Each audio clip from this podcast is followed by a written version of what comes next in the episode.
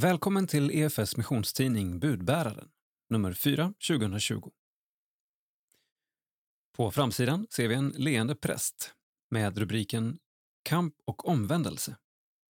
Magnus om det livsförvandlande gudsmötet. Övriga rubriker. Lokalt.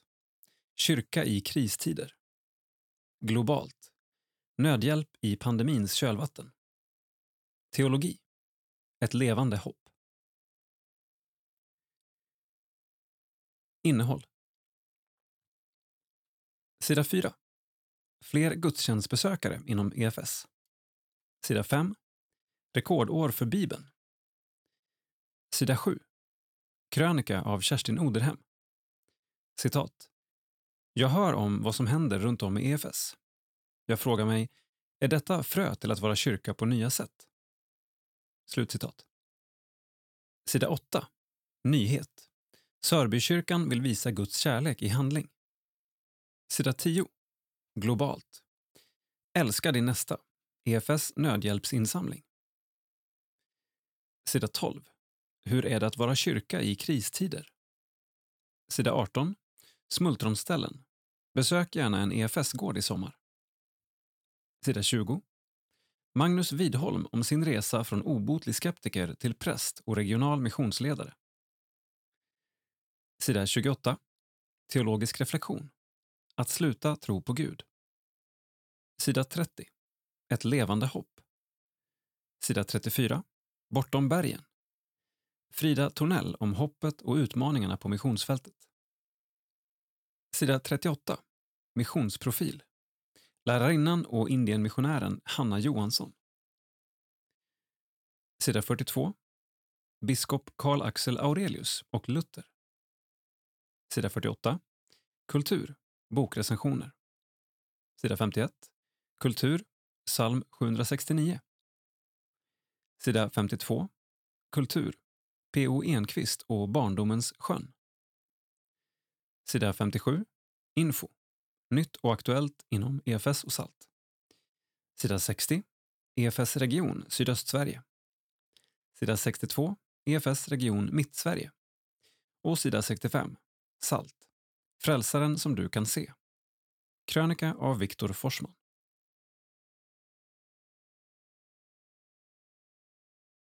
Sida 3. Ledare. Vi får inte sluta ge. Det står i Lukas 21 och 1-4 om hur Jesus tittade upp och såg hur de rika la sina gåvor i tempelkistan. Men han såg också en fattig änka lägga ner två kopparslantar. Och då sa han, sannerligen, den där fattiga änkan gav mer än alla de andra. De tog av sitt överflöd och lade det bland gåvorna, men hon gav i sin fattigdom allt vad hon hade att leva på. Är vi i dessa tider alla i någon mån som den fattiga änkan? För vi vet inte vad som händer med vår trygga tillvaro just nu. Med våra placerade tillgångar, våra jobb, våra framtidsplaner och så vidare. Den pågående pandemin med dess följder förändrar i grunden våra livsbetingelser. Och jag tror att vi alla drabbas lite av en kollektiv chock när samhället skakas på djupet. Den naturliga reaktionen är då att hålla fast vid det lilla, eller myckna, vi har. Vi slutar konsumera allt som upplevs som onödigt och vi slutar kanske också att ge. Men här tror jag att vi måste stanna upp och tänka till. Vår kris här hemma är i förhållande till vad som händer i våra missionsländer mycket lindrig.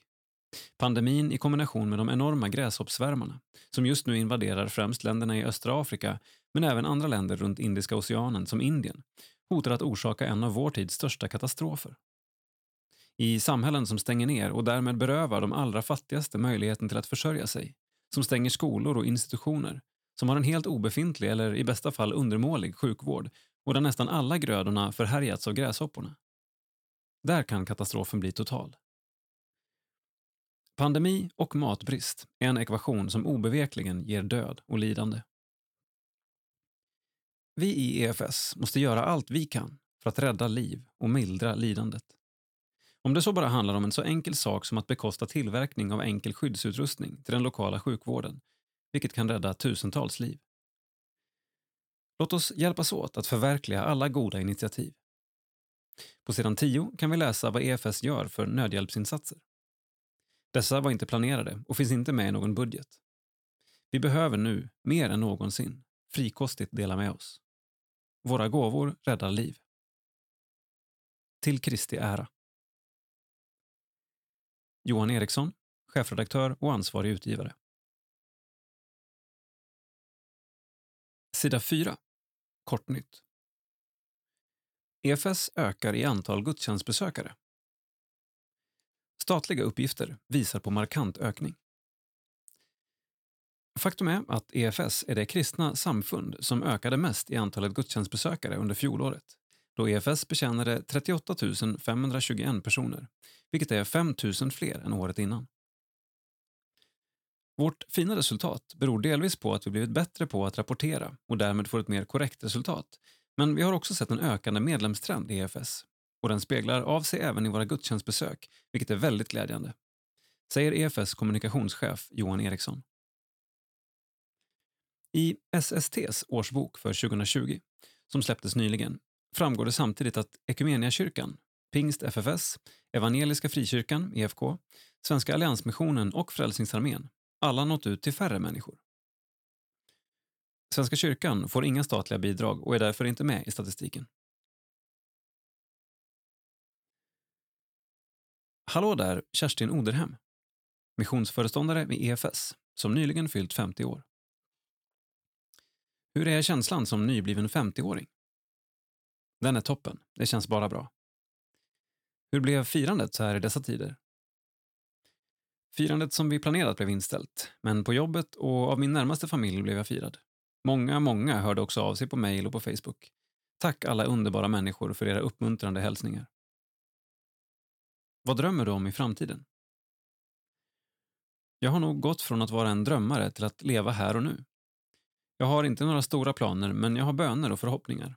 Det handlar både om familjen, om EFS och om längtan efter fördjupat lärjungaskap. Kanske någon liten dröm om ett växthus när jag blir äldre.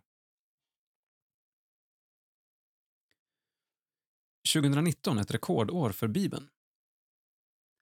617 miljoner fick bibelöversättningar på sina modersmål. Bibeln finns nu översatt till 694 språk som talas av 5,7 miljarder människor. I den siffran ingår även teckenspråksbiblar och punktskriftsbiblar. Bibeln är till för alla, så det är avgörande att den också finns i olika format, säger Anders Göransson, Svenska Bibelsällskapets generalsekreterare, i ett pressmeddelande. Majoriteten av språken har översatts av bibelsällskap inom United Bible Societies, där Svenska Bibelsällskapet ingår. Det är generositeten hos givare världen över och hängivenheten hos bibelöversättarna som har gjort detta möjligt. Många arbetar under svåra och farliga förhållanden, men de är trogna sina uppdrag. En del tvingas arbeta i exil för att vara i säkerhet, säger Anders Göransson, Svenska Bibelsällskapets generalsekreterare, och fortsätter när människor får tillgång till Bibeln på sitt modersmål, då kan deras liv förändras. De får hopp, riktning och förankring. Deras berättelser ger motivation och inspiration till fortsatt översättningsarbete. Nedanför artikeln ser vi en bild på tre glada afrikanska kvinnor med texten när Bibeln på Elomwe släpptes var glädjen stor. Dessa malawiska kvinnor bar kanga-tyg med Bibelsällskapets logotyp och mönster, dagen till ära. Sida 7. Krönika. Kan det vara så att vi har upptäckt något kring nöd och bönens nödvändighet? Frågar sig Kerstin Oderhem. Nya sätt att vara kyrka. Under flera år har EFS tillsammans med Svenska kyrkan talat om nya sätt att vara kyrka. Det handlar om ett helhetstänkande med lyssnande till Gud och till samhället. Den ständiga frågan i Nya sätt att vara kyrka är vad gör Gud nu och hur kan vi haka på i det som sker? Det handlar också om kyrkans fyra relationer. Upp till Gud, in i gemenskapen, ut till samhället och av. Vi är en del av en världsvid kyrka. Utifrån detta har det sedan uppmuntrats till nya initiativ för att nå människor med evangeliet. Nu spanar jag in i EFS. I ärlighetens namn sker spaningen mest från mitt skrivbord, från sociala media, från mejl jag får, berättelser jag hör och webbgudstjänster jag besöker. Jag frågar mig om det är en variant av nya sätt att vara kyrka som växer fram i flera av våra sammanhang. Vi har tvingats till omställning. Jag hör om vad som händer runt om i EFS. Om familjer som har hemmakyrka i vardagsrummet. Om webbsända gudstjänster som når långt, också till de som inte brukar gå i kyrkan. Jag hör om människor som kommer till tro, om bönegrupper som fått förnyad vitalitet och om hur kyrkor organiserar praktiskt arbete för att ge hjälp till de som behöver. Jag tror att ni är många som intensifierat er bön. Ni har tittat er omkring i er förening och samhälle och frågat er vad ni kan göra. Så har ni börjat att betjäna samhället praktiskt, men också genom relation, om än distanserad. Ni har samtalat med människor om deras oro, ni har erbjudit bön och ibland förbön. Ni har tagit initiativ. Jag frågar mig, är detta frö till att vara kyrka på nya sätt? Experter säger att viruset på olika sätt kommer förändra hur vi lever och reser i en global värld. Jag har inget att säga om den saken, men jag funderar på den erfarenhet vi gjort. Hur kommer den prägla oss? Den kreativitet, de initiativ som sker i EFS skulle vi på något sätt låta oss förändras av. Kan det vara så att vi har upptäckt något kring nöd, kring bönens nödvändighet och om hur enkelt det kan vara att betjäna ett samhälle? Har vi sett något om hur vi kan vara kyrka i denna tid och att det ibland går alldeles utmärkt att göra något vi tidigare inte gjort? Kerstin Oderhem, missionsföreståndare EFS. Sida 8. Nyhet. Sprid kärlek, inte corona. Sörbykyrkan i Örebro har ett budskap till allmänheten som är att stödja de allra mest utsatta i krisen. De äldre. Text Dagmar Witt Alemajehu. Bild Per Danielsson. Sörbykyrkan har rustat upp för andligt, socialt och praktiskt stöd som backas upp av volontärer i tre olika grupper. Ett gatu och böneteam, ett telefonteam och ett hjälparteam. När många människor pratar om att isolera sig funderade vi över vad vi kan göra för att välsigna andra, säger Jonas Alfon von Betzen, präst i Sörbykyrkan i Örebro, och fortsätter. Kyrkans kallelse är att lindra nöd och målet med våra satsningar är att visa Guds kärlek i handling. Jag upplever att det vi gör är en stark evangelisationssatsning. Hittills har ett 40-tal volontärer ringt 800 av 1500 tänkta äldre personer för att höra hur de mår och för att fråga om de behöver praktisk hjälp. Responsen har varit genomgående positiv. De har även hunnit lappa tusen brevlådor och annonserat på Facebook med praktisk information om hur man kan få hjälp samt haft kontinuerliga bönevandringar på tisdagar. Krisen slår hårt på många samhällsled och Jonas hoppas församlingen kan möta så många utsatta grupper som möjligt. Det senaste tillskottet i Sörbykyrkans satsningar är ett företagsnätverk. Företagsnätverket handlar om att minska risken för att företagare ska utveckla ett självskadebeteende eller självmedicinera och drivkraften är att lindra den inre psykiska påfrestningen. Vi vill hjälpa dem att vara bra företagare, makar och fäder och då måste man kunna styra sitt liv och sin ekonomi. Sörbykyrkans satsningar har hållit igång sedan 14 mars och på vägen har de stött på många ångestfyllda män i åldrarna 30 till 35 år. Det är dessa som företagsnätverket hoppas nå. 15 maj går en företagsfrukost av stapeln. Vi kommer att erbjuda mentorer till företagarna. Sedan har vi bjudit in en svensk kristen företagsledare som ska uppmuntra våra gäster. Vi kommer också finnas tillgängliga för de som önskar samtala med oss om den inre krisen. Jonas stora längtan är att alla ska ta ett personligt ansvar för att hjälpa till i den mån det är möjligt. Han nämner Lukas evangeliet 4 som en uppmaning till alla kristna. Herrens ande är över mig, ty han har smort mig till att predika glädjens budskap för de fattiga.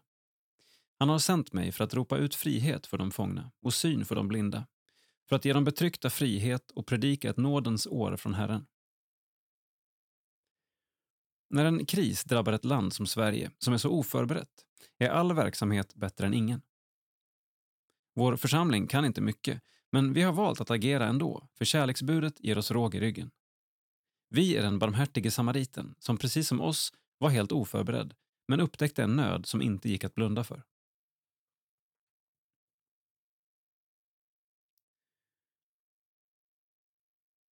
Jonas fyra tips på hur du kan hjälpa till i krisen.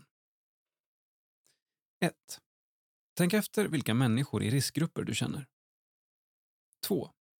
Om de bor i närområdet kan du erbjuda din hjälp. Om inte kan du ringa och sprida hopp och ljus. 3.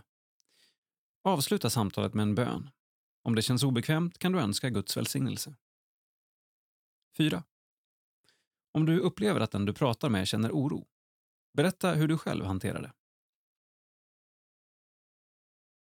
Sida 10. Globalt.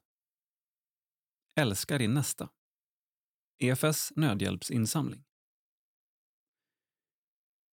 Världen har skakats om på flera sätt under början av 2020. EFS finns redo för att ge utökat stöd till systerkyrkor och samarbetspartners som drabbats hårt. Text Jakob Arvidsson. Bild Ellen Johansson. EFS satsar nu på att samla in pengar till våra systerkyrkor och samarbetspartners som befinner sig i en svår situation på grund av den pågående coronakrisen. Det är väldigt mycket en förberedelsefas just nu. Hittills har inget av de länder där EFS verkar egentligen någon stor utbredd smittspridning. Men man befarar att det kommer att bli en mycket svår situation. Säger EFS internationella missionssekreterare Erik Johansson. Padhar sjukhus i Indien har drabbats hårt av en minskning på patienter. Under mars täcktes bara 15 procent av lönekostnaderna av patientavgifterna. Människor med andra vårdbehov än viruset har inte längre råd att söka vård. Eller så vågar de inte söka vård på grund av smittorisken. Just nu tillverkar de handsprit, syr munskydd och inrättar en isoleringsavdelning. För oss handlar det mycket om att uppmuntra och visa att vi finns med, men också ge lite extra resurser för att lätta på den ekonomiska påfrestningen. Staten går inte in och hjälper ett missionssjukhus i första hand, utan de hjälper sina egna först. Det vore förödande om Padhar sjukhus går i konkurs innan epidemin brutit ut, säger Johansson. Aira sjukhus i Etiopien är i akut behov av att köpa in mer skyddsutrustning för att kunna hantera viruset. Med bidrag från EFS kommer Aira sjukhus kunna köpa in handsprit, handskar, masker, tvål, ansiktsvisir, desinfektion, termometrar och skyddsförkläden. Sjukhuset kommer också att besöka byar i närheten för att informera om hur smittspridning kan minskas. Jag blir uppmuntrad när jag pratar med våra partners. De är duktiga och företagsamma och driftiga. Så om vi bara kan förse dem med resurser så finns en stor kapacitet att göra massa bra saker. Somaliland och stora delar av Afrikas horn har drabbats hårt av torkan under de senaste åren som gjort att stora delar av boskapen dött. Traditionen av att skaka hand, brist på handtvätt och att ta hand om sjuka ökar risken för smittspridning av coronaviruset. Pandemin kan kraftigt påverka de mest sårbara samhällena som redan lider av bland annat undernäring och osäker matförsörjning. Parallellt med hotet om en pandemi invaderar miljontals ökengräshoppor just nu östra Afrika vilket hotar framtida skördar. Jag har varit i kontakt med Varsan, vår samarbetspartner, som precis som vanligt är väldigt aktiva och framåt. Men det är klart att utmaningen är stor. Det finns stora grupper som inte kan ta till sig information på det sättet vi kan och en hög andel analfabeter. Hur når vi dem med bra information? Det finns nästan ingen sjukvård alls och de som blir sjuka i riskgrupperna kommer att dö. Det är inte svårare än så. För att förebygga försöker vi tillsammans med Varsan försäkra oss om tillgång till tvål för handtvätt. Det är ytterligare en sak som de insamlade pengarna kommer att gå till. Var med och hjälp. Ge gärna en gåva till EFS katastrof och nödhjälpsinsatser. EFS har en nära dialog med systerkyrkor och samarbetspartners för att ge nödhjälp där det behövs i katastroflägen. Gåvor till EFS hjälpinsatser kan ge möjlighet till skattereduktion. Läs mer på efs.nu skattereduktion eller ring EFS givarservice 018-430 25 00. Hjälp Padhar sjukhus att fortsätta vara öppet. För 2 900 kronor kan du ge en sjuksköterska lön i en månad. För 11 900 kronor kan du ge en läkare lön i en månad. Ge fler i Somaliland möjlighet att tvätta händerna. För 120 kronor kan du ge bort 100 stycken tvålar för att hindra smittspridning. Hjälp Aira sjukhus att fortsätta vara öppet. För 45 kronor kan du bidra med en förpackning handsprit till sjukhuset i Aira. Swish 900 9903. Bankgiro 900 9903. Skriv katastrof i meddelandet.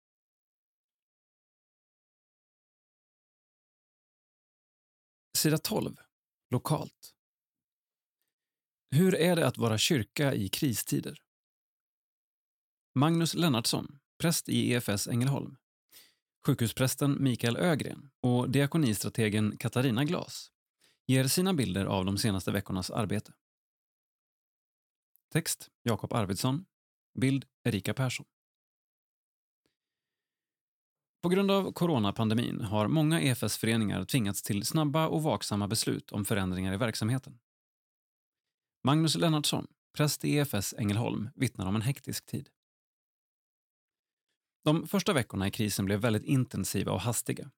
Det kändes nästan som att varje vecka var en månad och det kom nya besked hela tiden som vi behövde ta ställning till för att sedan informera våra medlemmar om vad som gäller, säger han. Majoriteten av verksamheten inom kyrkan har behövt hitta nya vägar för att fortgå. Inte minst gudstjänsterna har i Ängelholm, likt på många andra platser, gått över helt och hållet till webbsändningar. Vi kunde passande nog komma igång snabbt med det då en sådan satsning var inledd redan före krisen. Utöver webbsända gudstjänster har vi också spelat in två andakter i veckan som vi kallar perspektiv. Vår ungdomsgrupp har delats upp i mindre bönegrupper där ungdomarna själva tar ansvar och leder verksamheten, vilket är väldigt kul att se. Magnus har länge levt och reflekterat kring tanken om den vägglösa kyrkan. Från en dag till en annan blev detta väldigt konkret då det inte längre var möjligt att samlas innanför kyrkans väggar. Många har på ett självklart vis levt i sin kallelse tidigare, men nu blir det nog mer konkret för oss alla. Mitt i krisen får vi en påminnelse om att inte bara vara kyrka innanför dess väggar, utan vi behöver tänka att vi är kyrka var helst vi befinner oss varje dag. I våra respektive sammanhang och gentemot alla människor vi möter. Han hoppas också att många församlingsgemenskaper ska kunna gå stärkta ur detta när krisen har lagt sig. Vi kommer nog att kunna dra många lärdomar. Jag tror till exempel att vi kommer värdesätta det personliga mötet ännu mer. Det kommer en tid när vi får kramas igen och det längtar vi efter. En sån här kris tvingar oss också att bryta loss från gamla mönster. Det blir en nystart på något sätt när allt kan dra igång igen och vissa verksamheter som kanske gnisslat lite kan starta upp med ny energi eller ny form.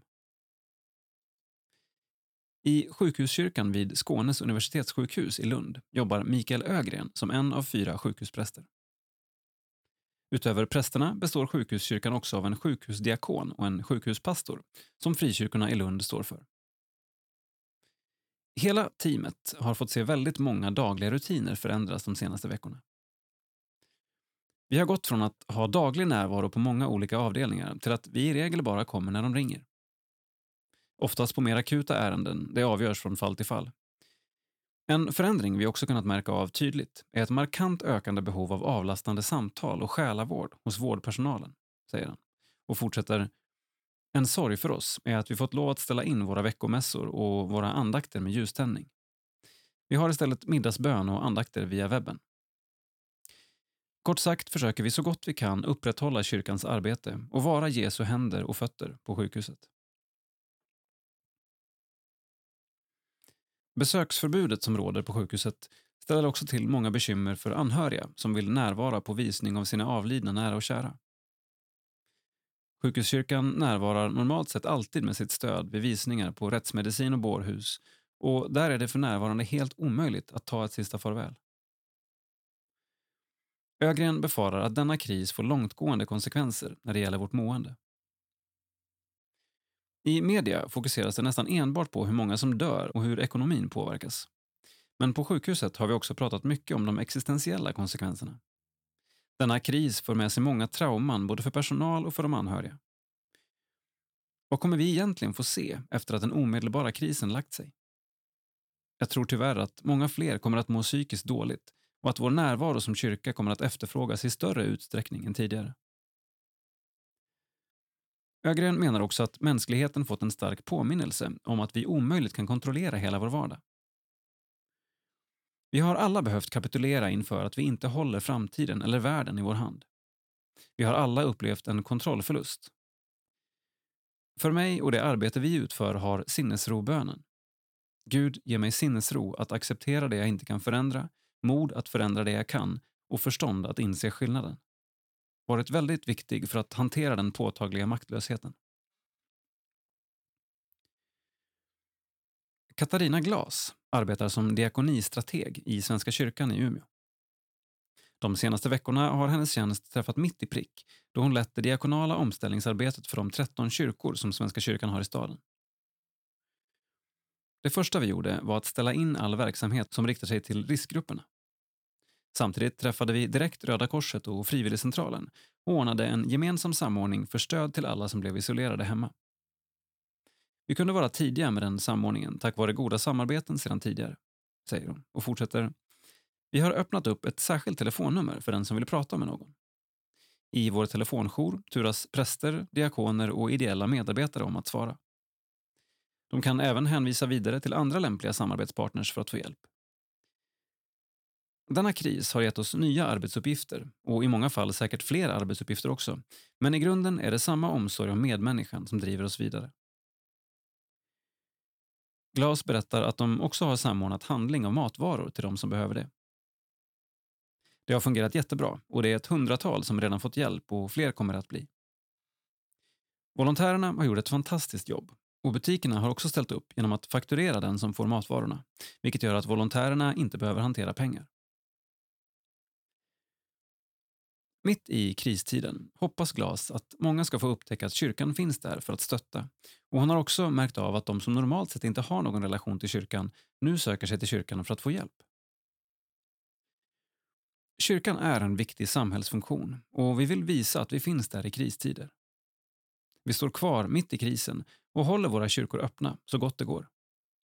Vår styrka är att vi funnits i över 2000 år och överlevt många andra kriser. Vi har också en världsvid kyrka att docka in oss i. Det gäller att vi håller ut, fortsätter fira gudstjänst, följer kyrkoåret för att visa en stabilitet och motståndskraft mot det som händer nu.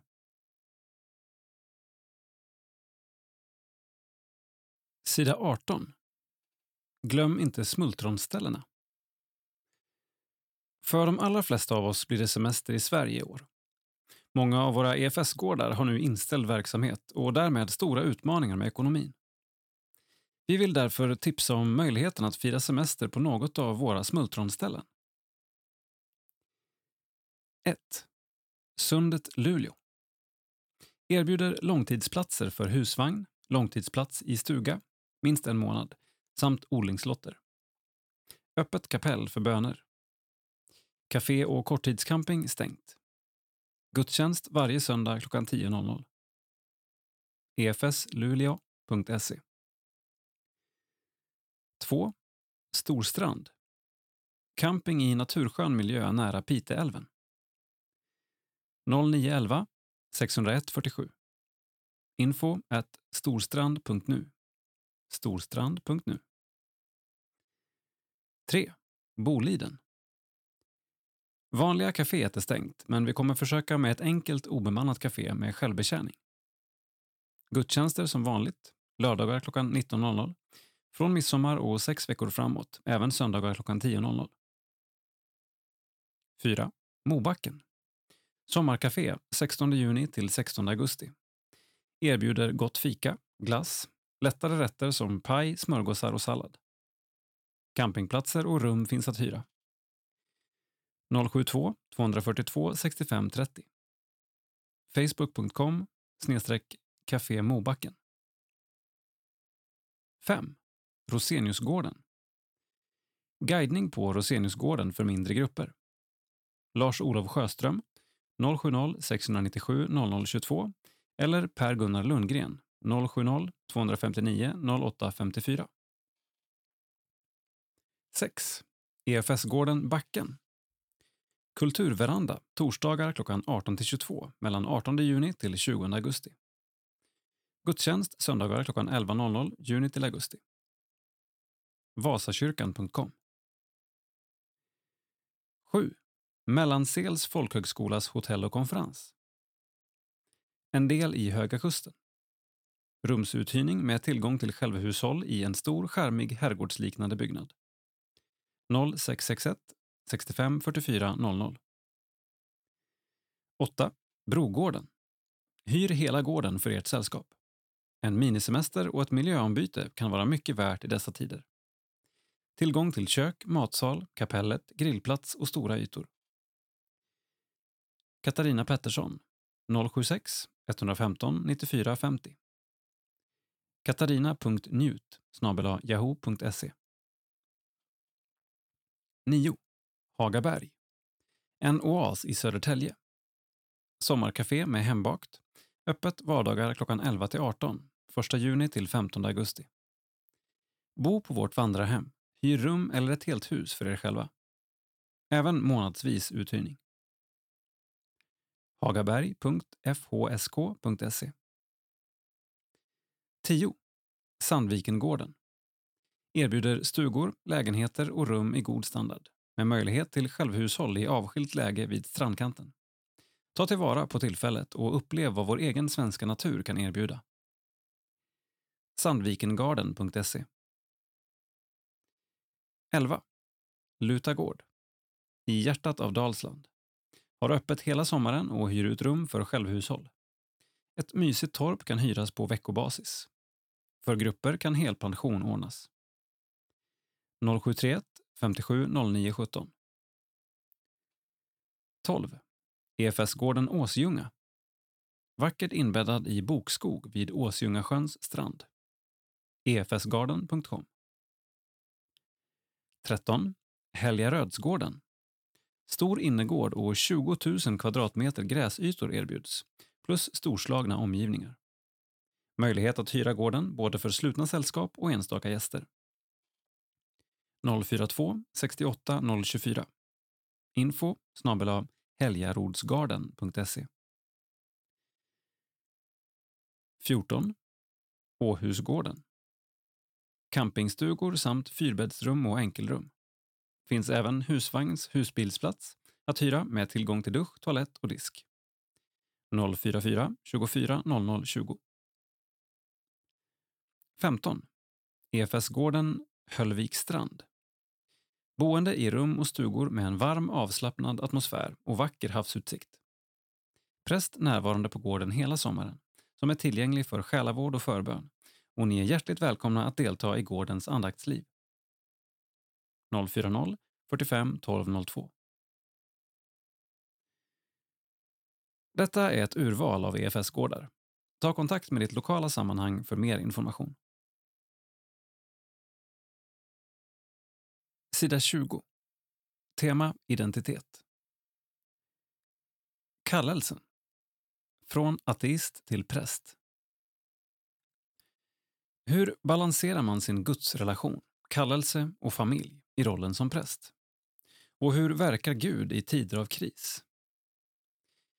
EFAs regionala missionsledare Magnus Widholm delar öppenhjärtligt Guds bild av prioritetsordningar och blir i en tid av kris uppmuntrad av mormor Irmas helande mirakel under spanska sjukan.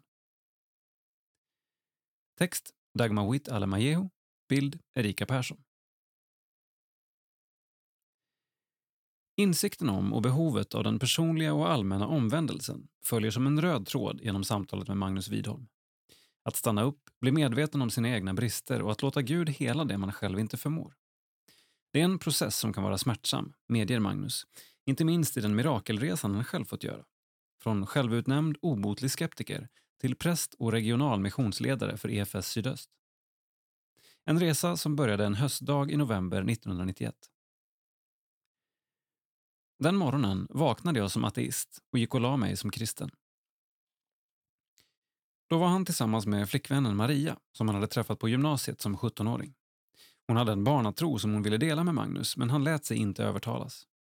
Istället fick han Maria att tveka och till slut ta avstånd från kristendomen. Efter gymnasiet gjorde Magnus lumpen i Kristianstad medan Maria läste naturvetenskap på universitetet i Kalmar. Där träffade hon frälsta studenter som vittnade för henne och bestämde sig för att lägga tentaskrivandet åt sidan, fast besluten om att lösa mysteriet. Finns Gud på riktigt? Hon bad i sin ensamhet och fick ett livsförvandlande gudsmöte där hon fick uppleva hans kärlek och helighet. Det första hon gjorde var att ringa Magnus. Jag måste berätta att Gud finns, sa hon. Jag trodde att hon hade blivit knäpp och blev oroad över hennes mentala hälsa.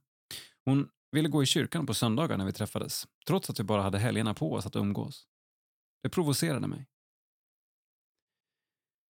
När lumpen var avklarad flyttade han till Kalmar, men fick inte bo hos Maria för att samboskap hörde till äktenskapet. Efter en lång tid av hänsynslöst festande, kantat av svek och förnedring, rann bägaren över för Maria. Trots hennes tålamod förbrukade Magnus förtroendet upprepade gånger. Till slut så pass djupt att hon bröt förlovningen. Jag gick hem till henne och där kastade hon förlovningsringen på golvet och kallade mig för en skitstövel. Det värsta var att det var sant. Jag kände mig smutsig och tom.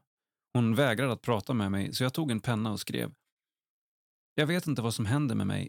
Det känns som om djävulen har fått tag i min själ. Maria läste lappen och började berätta om sin tro. Att Gud förlåter och att Magnus kunde få kraft att bryta destruktiva mönster. Det som tidigare hade förargat honom ville han nu höra mer av och det slutade med en livsförvandlande bön ledd av Magnus själv. Jesus, Jesus. Då kom han och det strålade om oss där vi satt. Vi kände en enorm värme och jag upplevde en oförklarlig kärlek. Jag tänkte, det är sant, han lever. Där och då upprättade Jesus både Magnus och parets relation. Inom loppet av ett halvår hade de hunnit bryta förlovningen för att sedan återförenas i ett äktenskap. Prästen Ove Karlsson vigde paret och under Magnus första år som kristen betydde han mycket för honom. När han brottades med viss kristen undervisning var det Ove som ryckte in som stöd och under dopundervisningen ställde han en fråga som satte myror i huvudet på Magnus. Jag undrar vad det ligger för kallelse över ditt liv? Bara ett halvår efter dopet var det Guds kallelse för den omvände ateisten som stod högst på agendan. Med stöd och vägledning från Ove och en stark inre övertygelse pekade allting på att det var präst han var kallad till. Efter att ha fått tydliga tecken från Gud läste jag Matteus evangeliet 9 i min andaktsbok som jag då följde. Skörden är stor, men arbetarna är få. Då kastade jag mig på Gud och sa, låt mig bli en skördarbetare. Naturvetenskapsstudierna i Kalmar byttes till teologistudier i Uppsala och 1998 prästvigdes Magnus för Växjö stift, där han är verksam än idag. Vägen in i EFS var genom ett initiativ om ett slags EFS-gemenskap i ett kapell i Växjö. EFS vision, människor och samhällen förvandlade av Jesus, ligger Magnus varmt om hjärtat och som missionsledare för EFS minsta region är hans roll att se till att församlingarna inte tappar hoppet. Herren kan vinna seger genom få människor lika väl som genom många. Det är lätt att dra ner sig själv med missmod om man fokuserar på antalet. Vi behöver lyfta och fästa blicken på Jesus och se fälten som redan vitnar till skörd. Det är en sanning även i coronatider, menar han. Instruktionerna till församlingarna är tydliga. De ska bära fram hopp och ljus i tider av mörker, säger han och nämner Andra krönikeboken 7 och 14 som en uppmaning, där Gud uppmanar sitt folk att ödmjuka sig och be för att han ska skaffa bot åt deras land.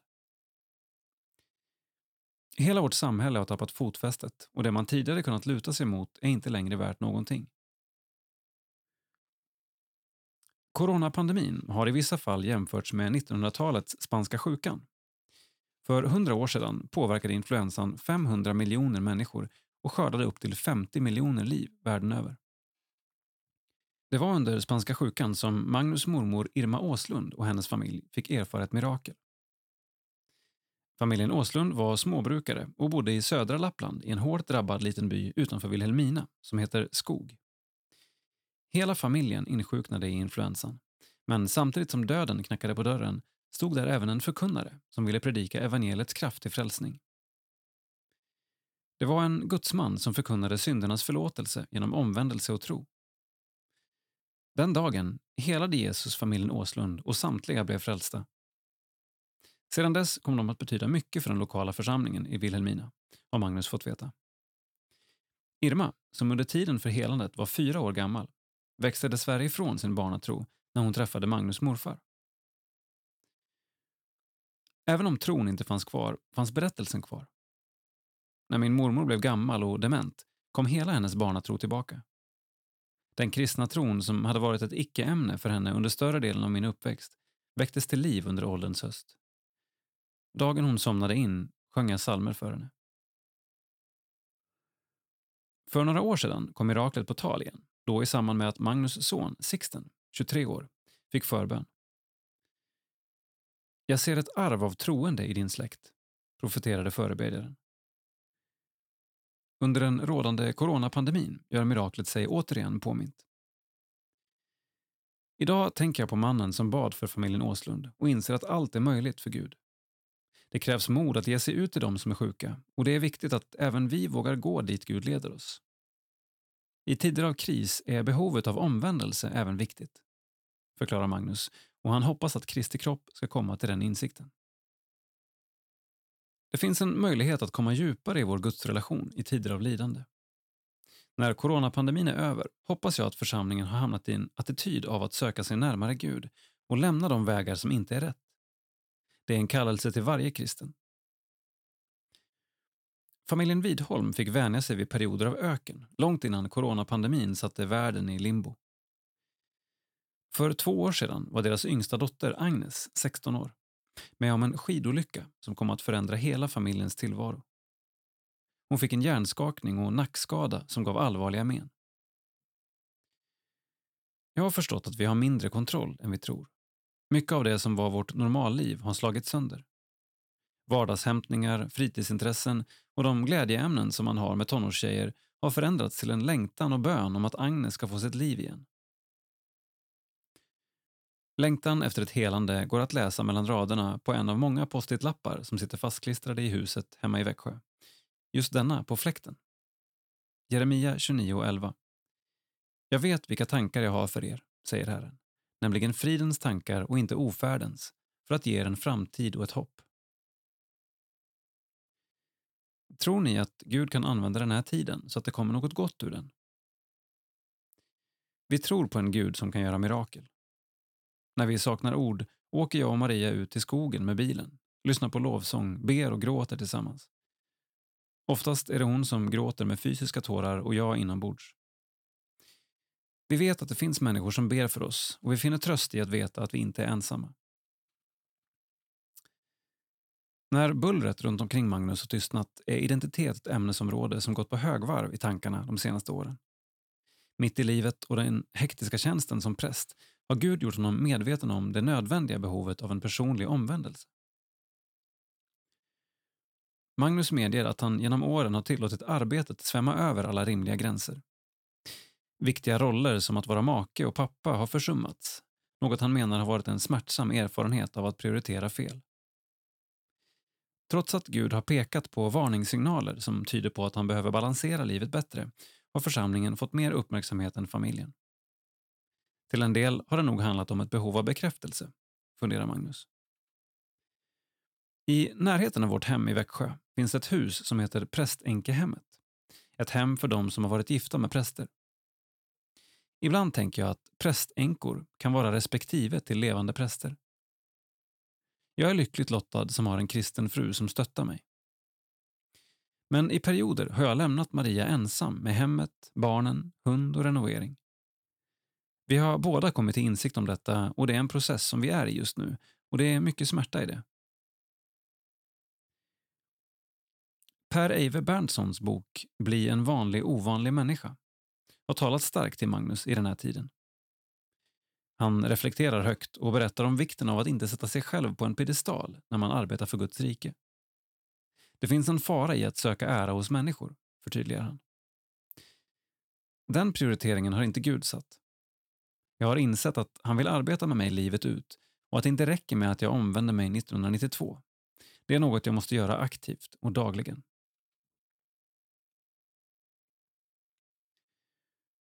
Magnus Widholm.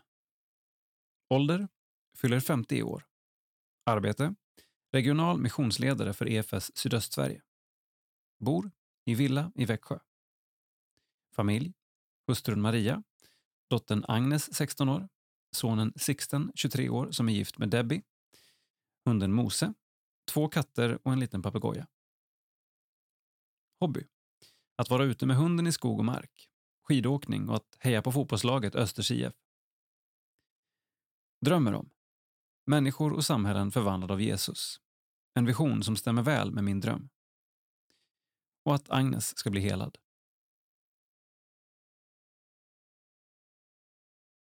Sida 28. Teologisk reflektion. Att sluta tro på Gud. Det finns tillfällen i våra liv när våra gudsbilder rasar samman.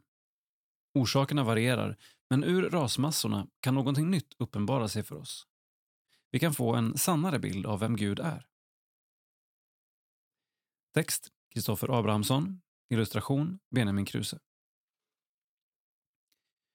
Om någon frågar oss Vem är Gud? tenderar vi att ge det svar som förväntas. God, kärleksfull, helig, allsmäktig. Ja, alla de där kristna svaren som vi vet är rätta, men som likväl ändå inte behöver vara vad vi faktiskt tror på. Vad vi säger med våra läppar behöver inte alltid vara vad vi menar i vårt hjärta. För flera är det först när livet och tron prövas som vår faktiska gudsbild blir uppenbar. Så länge livet är enkelt och friktionsfritt frestas vi att låta Gud få bli en tänkt Gud och det kristna livet blir teoretiskt. Vi tänker på Gud och tron och misstar våra tankar för en levd tro och en verklig gudsrelation. Men det finns en avgörande skillnad mellan en tänkt Gud och en verklig Gud. På samma sätt som det är en stor skillnad mellan tänkt vänskap och verklig gemenskap.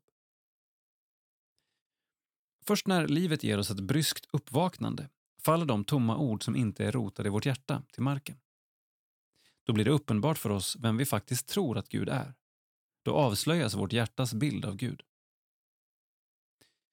Oavsett hur vår trosresa sett ut har vi ärvt vissa gudsbilder från andra i vår omgivning. Kanske från föräldrar och präster, från ledare och församlingar eller från andra sammanhang. Vår tro formas inte i ett vakuum utan i en gemenskap och i dialog med andra. På olika sätt och genom olika händelser och personer formas vår syn på Gud. Detta i sig är naturligt, men utan reflektion kan det leda oss fel. I Bibeln varnas vi för att göra avbilder av Gud. Varför? Det handlar egentligen inte så mycket om att vi ska rensa ut våra kyrkor och hem från bilder, ikoner och kors som hjälper oss att be och påminner oss om vem Gud är. Bildförbudet handlar snarare om att låta Gud vara Gud. Det är en maning om att inte vara klåfingriga och att inte låta Gud bli vår avbild. Några exempel. För en del förs vår erfarenhet av en frånvarande pappa över till Gud. För andra är det en sträng moralist till förälder. För någon en ständigt bedömande präst. Alla dessa egna erfarenheter av andra överförs till Gud. Problemet är inte, som sagt, att våra erfarenheter formar oss. Problem uppstår när våra erfarenheter ramar in Gud. Bildförbudet kan man kanske säga handlar om att beskydda Gud från att bli vår privata whiteboardtavla och låta Gud få vara Gud. När livet skakar och vår gudsbild spricker gör det ont. Fruktansvärt ont. Men det är inget nederlag. När raset lagt sig kan vi snarare skönja mer av vem Gud är och vara tacksamma för att våra tillbyggen fått falla. Just därför kan vi behöva sluta tro på Gud för att kunna tro på Gud. För den som går från en förenklad barnatro som stoppats i halsen av föräldrar eller församling kan en sådan smärtsam erfarenhet bli tillfället då tron faktiskt tränger ner i ens hjärta och slår rot. Det kristna livet följer ofta påskhelgens rytm.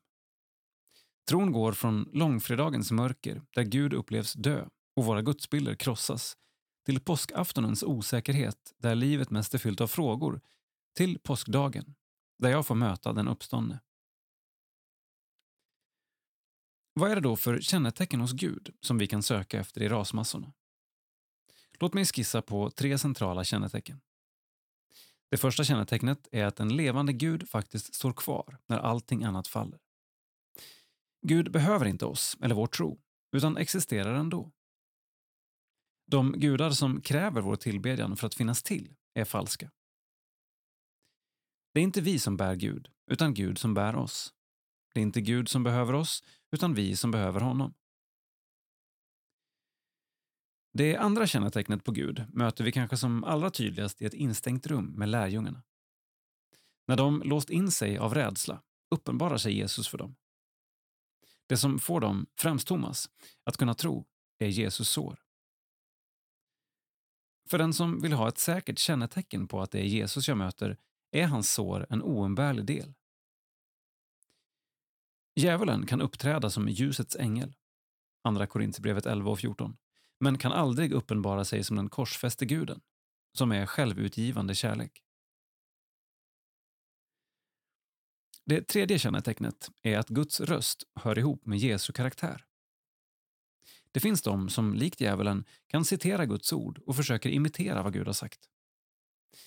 Därför räcker det inte med att vi lyssnar till vad som sägs, utan vi behöver också höra hur det sägs. Jesu ord hör ihop med Jesu karaktär och liv. Precis som Jesus också säger “Mina får lyssnar till min röst och jag känner dem och de följer mig”. Johannes 10.27 När livet rasar och gudsbilden faller, ge inte upp. Under rasmassorna kan du skönja den korsfäste och uppståndne guden som bär när allting annat faller.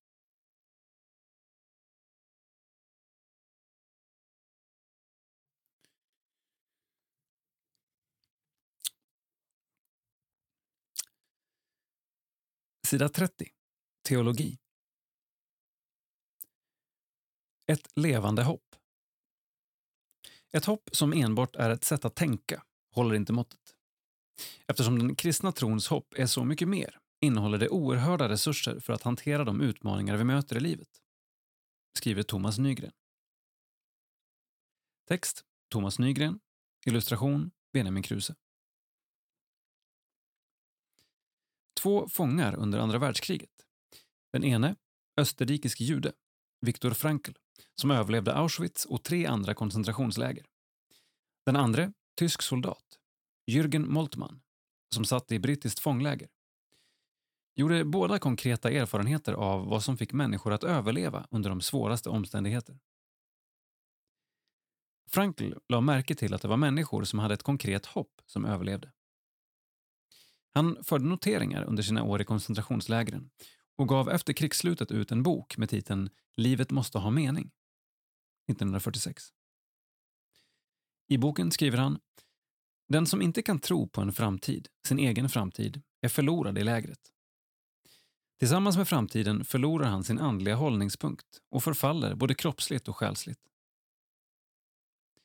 Bland annat utifrån sina erfarenheter utvecklade Frankl sin berömda logoterapi som är en form av existentiell analys som hjälper människor att hantera sina liv genom att hitta en livsmening. Moltmann gjorde som krigsfånge liknande iakttagelser. De fångar som saknade hopp gav upp livet, blev sjuka och dog. För Moltmann kom dessa erfarenheter att prägla hans sätt att skapa teologi. För honom blev det konkreta hoppet som finns i Jesu uppståndelse ett centrum som sträcker sig fram mot hans återkomst i härlighet.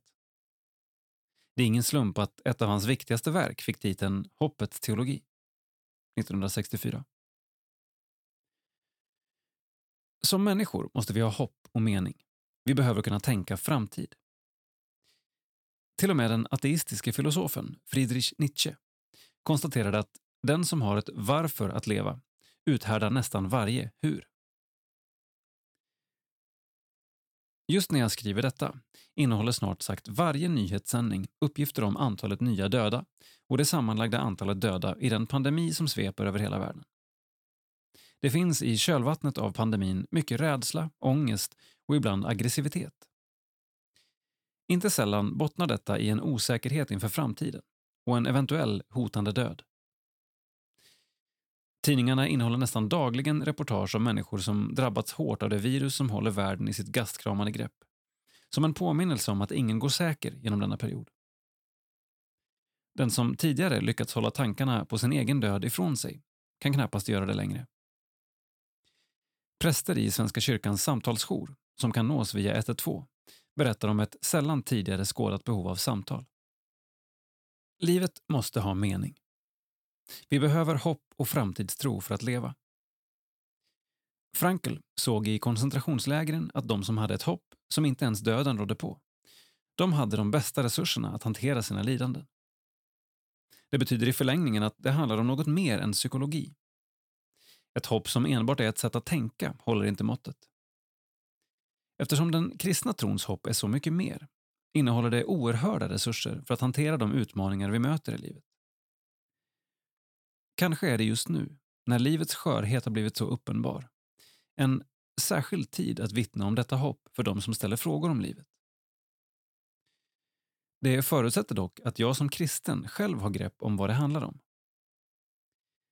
Här följer därför en liten miniteologi om det kristna hoppet, som även kan vara till hjälp och tröst för oss som kristna. Även vi brottas givetvis med frågor som rör lidande och död. Vi ska låta ett fantastiskt bibelställe i Första Petrusbrevet i några punkter undervisa oss om hoppet. Välsignad är vår Herre Jesu Kristi Gud och Fader. I sin stora barmhärtighet har han fött oss på nytt till ett levande hopp genom Jesu Kristi uppståndelse från de döda. Till ett arv som inte kan förstöras, fläckas eller vissna och som väntar på er i himlen. Till Guds makt beskyddar er genom tron fram till den frälsning som finns beredd att uppenbaras i den sista tiden. Därför kan ni jubla, även om ni just nu en kort tid skulle få utstå prövningar av olika slag. För att det som är äkta i er tro, och detta är långt dyrbarare än det förgängliga guldet, som dock måste prövas i eld, ska ge pris, härlighet och ära när Jesus Kristus uppenbaras. Ni har inte sett honom, men älskar honom ändå. Ni ser honom ännu inte, men tror på honom och kan jubla i outsäglig himmelsk glädje då ni nu står nära målet för er tro, era själars räddning. Första Petrusbrevet 1 och 3-9 1. Först behöver vi förstå vad ordet hopp står för i Bibeln. När det används i svenska språket är det vanligen kopplat till något som är osäkert och som i bästa fall kan bli verklighet. När Nya testamentets författare talar om hopp har det inte alls en sådan resonansbotten. Det kristna hoppet är inte något chansartat, inte bara önsketänkande, utan det handlar om en säker framtid som föregripits av ett historiskt faktum. Jesu uppståndelse från de döda. Vers 3. Jesu uppståndelse från döden var inte ett uttryck för lärjungarnas önsketänkande. Ingen följd av hallucinationer eller en hos efterföljarna slugt uträknad bluff. Det var inte heller något som bara hade skett på ett andligt plan. Nej, Jesu uppståndelse skedde mot lärjungarnas förväntan, var kroppslig och helt uppenbar. I 40 dagar visade han sig för människor före sin himmelsfärd. Vid ett tillfälle var det över 500 som såg honom samtidigt. Första Korinthierbrevet 15. Jesu uppståndelse vände lärjungarnas förtvivlan till hopp och övertygade så småningom till och med fiender som Saulus, han som senare kom att kallas aposteln Paulus. Samtidigt som hoppet bygger på något som verkligen hänt har det en framtidsinriktning. Petrus skriver att det handlar om ett arv som inte kan förstöras, fläckas eller vissna och som väntar på er i himlen. Vers 4. Eftersom Jesus besegrat döden är det han lovat oss inte tomma ord. Det är reella framtidsbeskrivningar Petrus förmedlar. Dessutom finns löftet att Guds makt beskyddar er genom tron fram till den frälsning som finns beredd att uppenbaras i den sista tiden. Vers 5. Hoppet bygger på en verklig historisk händelse som går att undersöka. Det innehåller ett löfte om Guds beskydd i nuet och pekar fram mot en fantastisk framtid. Ytterst sett är det ett levande hopp för att det är ett liv tillsammans med den levande och uppståndne Jesus Kristus. 2.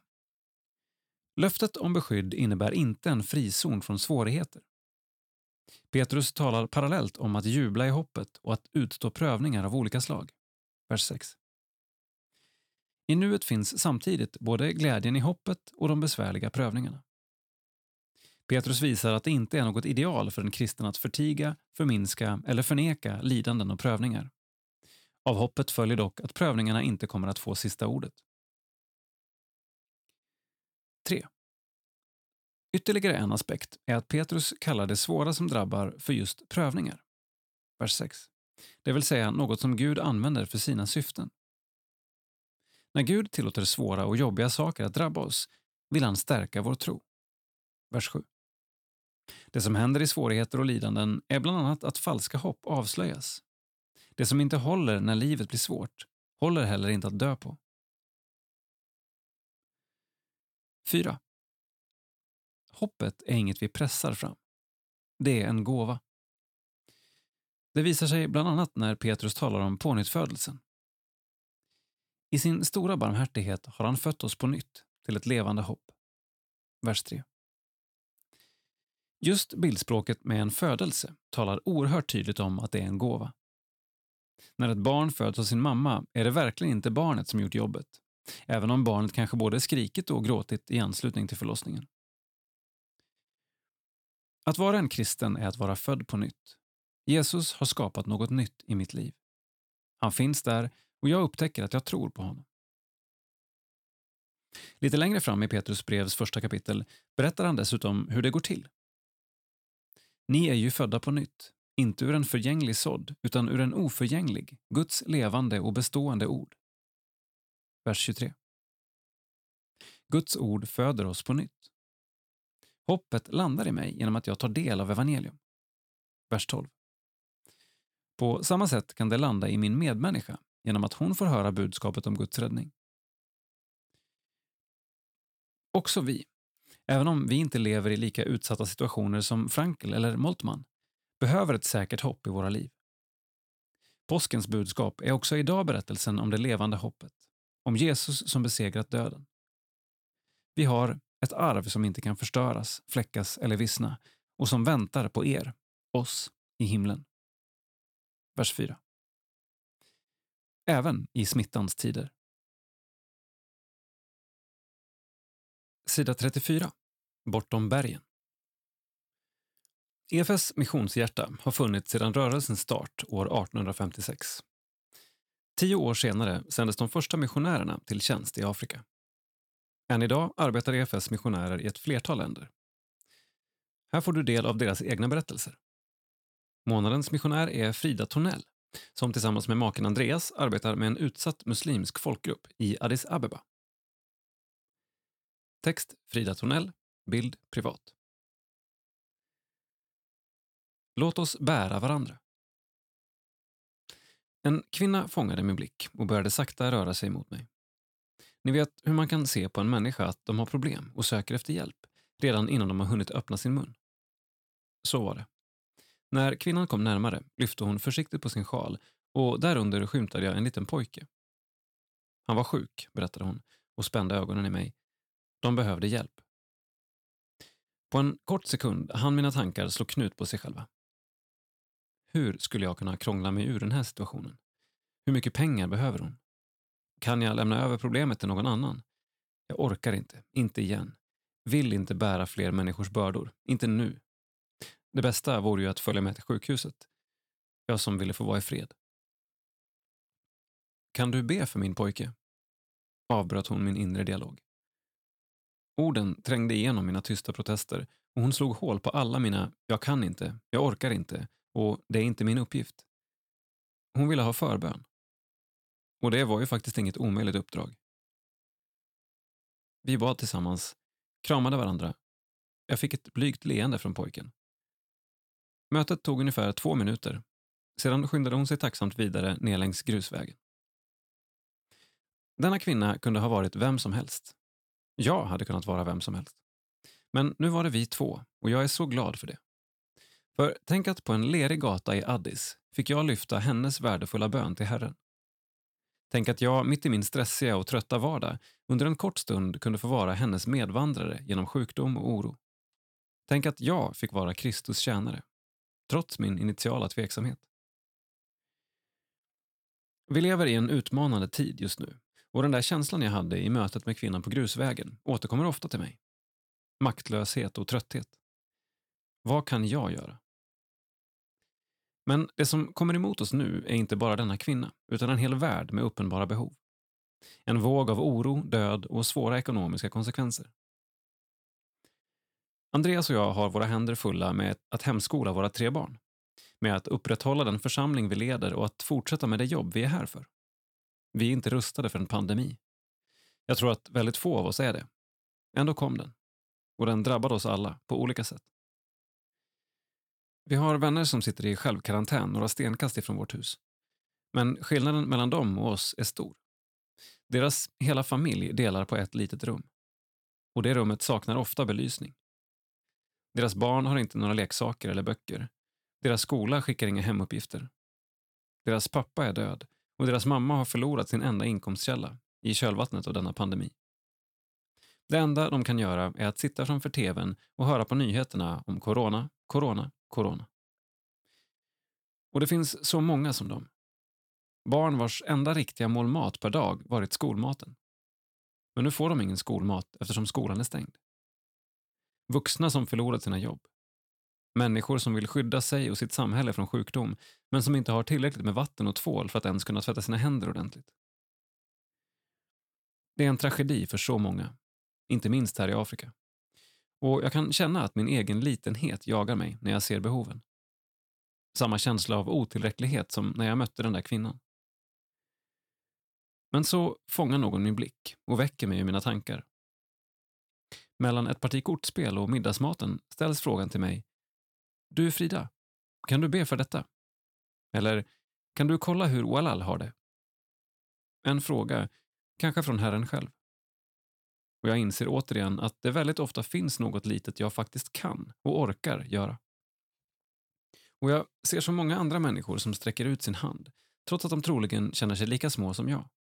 Lika trötta och lika fyllda av sina egna bekymmer. Jag ser handlingar och gester, böner och andra guldkorn som är djupt inspirerande. Vi har glädjen att få bo i ett land som verkligen försöker. Ofta i motvind. En kyrka som inte stänger, men som försöker hitta nya vägar att tjäna utanför gudstjänstlokalerna. Och det ger mig ny tro. Här i Etiopien hör jag hur präster och pastorer gått ut på gatan för att be för sina städer. Tonåringar har samlat in pengar för att på ett effektivt sätt sprida kunskap om coronaviruset. De sätter upp vattenstationer och de uppmanar människor att tvätta sina händer samtidigt som de berättar om Jesus. En polis åkte runt på Addis gator och genom det nervridna fönstret ropade han ut att alla bör hålla avstånd, vara noggranna med hygienen och glöm inte att be till Gud. Någon syr munskydd. En äldre kvinna tar hand om grannarnas barn vars skola är stängd. Folket här i Etiopien är inga hjältar och som ni förstått så är inte jag det heller. Och kanske inte du. Men Gud kallar inte hjältar, han kallar oss. Och tänk att just vi får vara hans kropp i en tid som denna. Vi får bära människors böner till honom. Vi får se dem och vi får vandra tillsammans med dem. Det är ett erbjudande mitt i denna verklighet som blev vår vardag. Här i Afrika och i alla länder. Sida 38. Missionsprofil. Lennart Persson skriver personligt om sin farfars syster Hanna Johansson. Småländskan som blev EFS-missionär i djungelbyn Bijori i centrala Indien 1901 till 1925. Text Lennart Persson. Bild EFS arkiv. Hanna Johansson. År 1901 kom Hanna Johansson till Indien utsänd av EFS. Hon startade senare en flickskola i Bijori och undervisade flickorna i byn under de cirka 20 år som hon bodde i den lilla djungelbyn. I ett brev nedtecknat den 27 maj 1902 efter sitt första besök i Bijori skriver hon Kära föräldrar och syskon. Vistelsen i Bijori var mycket skön. Där var frisk luft och härlig natur. B ligger 1200 fot högre än CH, Chindwara. Resan dit och hem igen var mycket angenäm. Enligt min mening springa Indiens oxar ganska bra och är inte alls omöjliga. Då jag i fredags vid klockan 5.30 lämnade B skjutsade doktor F. Fransén mig två mil med häst och under vägen sköt han en stor påfågel som var två och en halv aln lång från näbben till stjärtspetsen och den var mycket vacker. Jag avbröt några vackra fjädrar för att hava som ett minne från vistelsen i B och jag skall även skicka hem en. Därefter fortsatte jag färden efter oxar. På sex timmar reste jag tre och en halv svensk mil efter samma oxar och då kan man ju icke säga att oxarna här är tröga. Naturligtvis är och icke alla oxar lika bra. Under vistelsen i B fick jag tillfälle att se hur folket har det ute i byarna. Deras hus ser icke mycket inbjudande ut. Vill man gå in i dem så måste man böja sig mycket djupt. Inne i husen ser det icke heller mycket hemtrevligt ut. Icke något fönster finnes på de små hyddorna. Dock kommer ljuset in från dörren, om jag får använda uttrycket. Egentliga dörrar finns icke, men det finns ju dock en dörröppning eller glugg som kan tilltäppas av en dörr av gräs och bamburör. Denna dörr är flyttbar. Dels kommer ljuset in genom de stora springorna i väggarna. I ett hörn av stugan är eldstaden. Röken letar sig lätt väg ut genom väggen och taket. Några mässings och lerkärl utgöra i allmänhet hela deras, om jag så skulle säga, möblering. I ett efter annat hus finns det en säng och i taket är några smutsiga trasor upphängda. Aldrig har jag i Sverige sett så usla kojor eller kunnat göra mig en föreställning om hur en indisk by kunde se ut. Folket ser mycket vänliga ut. I synnerhet tagar barnen min uppmärksamhet i anspråk och överallt vart man kommer så ser man en skara smutsiga, alldeles nakna barn eller och hava dem ett tygstycke om livet motsvarande byxor. En och annan har och en tröja. Barnen är 8 till 9 år och äldre är icke fullkomligt nakna emedan det är förbjudet av regeringen. Emellertid, om jag går från hus till hus så kommer byns hela barnaskara tillsammans och det är ju inte alls underligt då de på denna plats aldrig förr sett någon vit Miss Sahib. Somliga vore dock rädda för mig och stod på avstånd och sågo på mig. Då jag såg stora skaror av barn som icke får någon slags undervisning så kunde ni lätt förstå vilka tankar och känslor som uppfyllde mig. Tänk ändå vilka stora skaror av människor som icke alls hört ett ord om en frälsare och en himmel.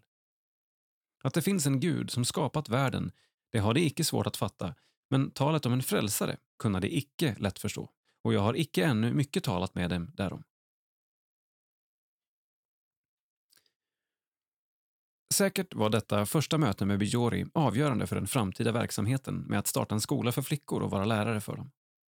Det är fascinerande att tänka sig att en ung svensk kvinna i början av 1900-talet bosatte sig i en liten by i Indiens centralprovinser, kallat CP av den engelska kolonialmakten, samt arbetade där i 20 år i samma lilla by. I ett jubileumsalbum utgivet av EFS styrelse år 1916 finns en samling foton från Indien. Där finns också ett foto från flickskolan i Bijori. Hanna Johansson sitter på en stol med 16 flickor sittande på golvet framför sig. På svarta tavlan bakom står följande ord på hindi. Wa udhar karne men parakrami hai. Det betyder han är mäktig att frälsa. Att föra fram frälsningens budskap såg Hanna Johansson uppenbarligen som sin uppgift. Detta var 1916 och min pappa var då 13 år, alltså nybliven tonåring. Säkert tog han intryck av att ha en faster som arbetade i Indien och få höra hennes brev hem till släkten. Faster Hanna, som vi inom släkten alltid kallade henne, berättade för den lilla kristna församlingen i Bijori om sin brorson Gustav i Sverige. Hon ville att byborna i Indien skulle be för Gustav, att han skulle bli en avgjord kristen och så småningom bli missionär, kanske till och med i Bijori. Bijoriborna måste ha bett med stor kraft och uthållighet, för allt detta hände under loppet av 30 år. Det var alltså 1944 som mina föräldrar fick flytta till Bijori från missionssjukhuset i Korai, som låg i ett annat distrikt, Sagar-distriktet. Jag var då tre år gammal. Mitt första minne av faster Hanna är från hennes lilla stuga i Småland. Vår familj reste till Sverige i mars 1946 efter att mina föräldrar hade varit i Indien i 12 år utan hemresa på grund av världskriget. När vi ett år senare återvände till Bijori var det tät brevväxling med faster Hanna. Hon var en brevskrivare av rang och det sades att hon under sin tid i Indien la ner mer pengar på porto än på mat. Många år senare, då jag också hade arbetat i Indien cirka 20 år, hade jag förmånen att delta i invigningen av en nybyggd kyrka i Bijori till minne av Hanna Johansson. Det var den 22 mars 1992. Senare samma dag träffade jag den 85-åriga bibelkvinnan Gindia Bai i Chindwara. Hon berättade att hon hade fått konfirmationsundervisning av faster Hanna i Bijori på 1910-talet. Hon berättade också att faster Hanna delade både mat och kläder med gonderna, urbefolkningen, i Bijori. Jag avslutar nu med en kort minnesruna i EFS årsberättelse från 1963. Fröken Hanna Johansson, född den 15 januari 1873 i Skogsdal, Mortorps socken. Efter avlagd småskollärarinneexamen och efter studier vid Johannelunds missionsinstitut avskildes hon för tjänst på Indiafältet och utsändes 1901 till Indien. Efter några års tjänstgöring i Chinwara fick hon sin huvudsakliga uppgift förlagd i Bijori. Sedan hon på grund av sjukdom tvingats återvända till hemlandet år 1925 bosatte hon sig i Småland varifrån hon fick fortsätta sin missionsgärning genom brevkontakter med sina vänner i Indien. När hon den 29 januari 1964 fick hembud hade hon just fyllt 91 år. Sida 43. Porträtt. Biskop emeritus Karl Axel Aurelius berättar om vägen han färdats och vägen framåt. Det handlar inte främst om att få syn på Luther, utan om att få syn på vad han såg, säger han. Text Magnus Persson. Bild Erika Persson. Biskopen och Luther. Det är en imponerande läsning. Jag bläddrar igenom Karl Axel Aurelius omfattande författarskap och de många sidorna som ingår i hans CV. Född i en av Sveriges äldsta prästsläkter har hela hans liv kretsat kring den evangelisk-lutherska hjärtpunkten, evangelium, i både kyrkan och akademin. Aurelius har en lång rad positioner och titlar. Stiftsadjunkt för biskop Martin Lönnebo och kyrkosekreterare för Svenska kyrkan och inte minst professor och biskop.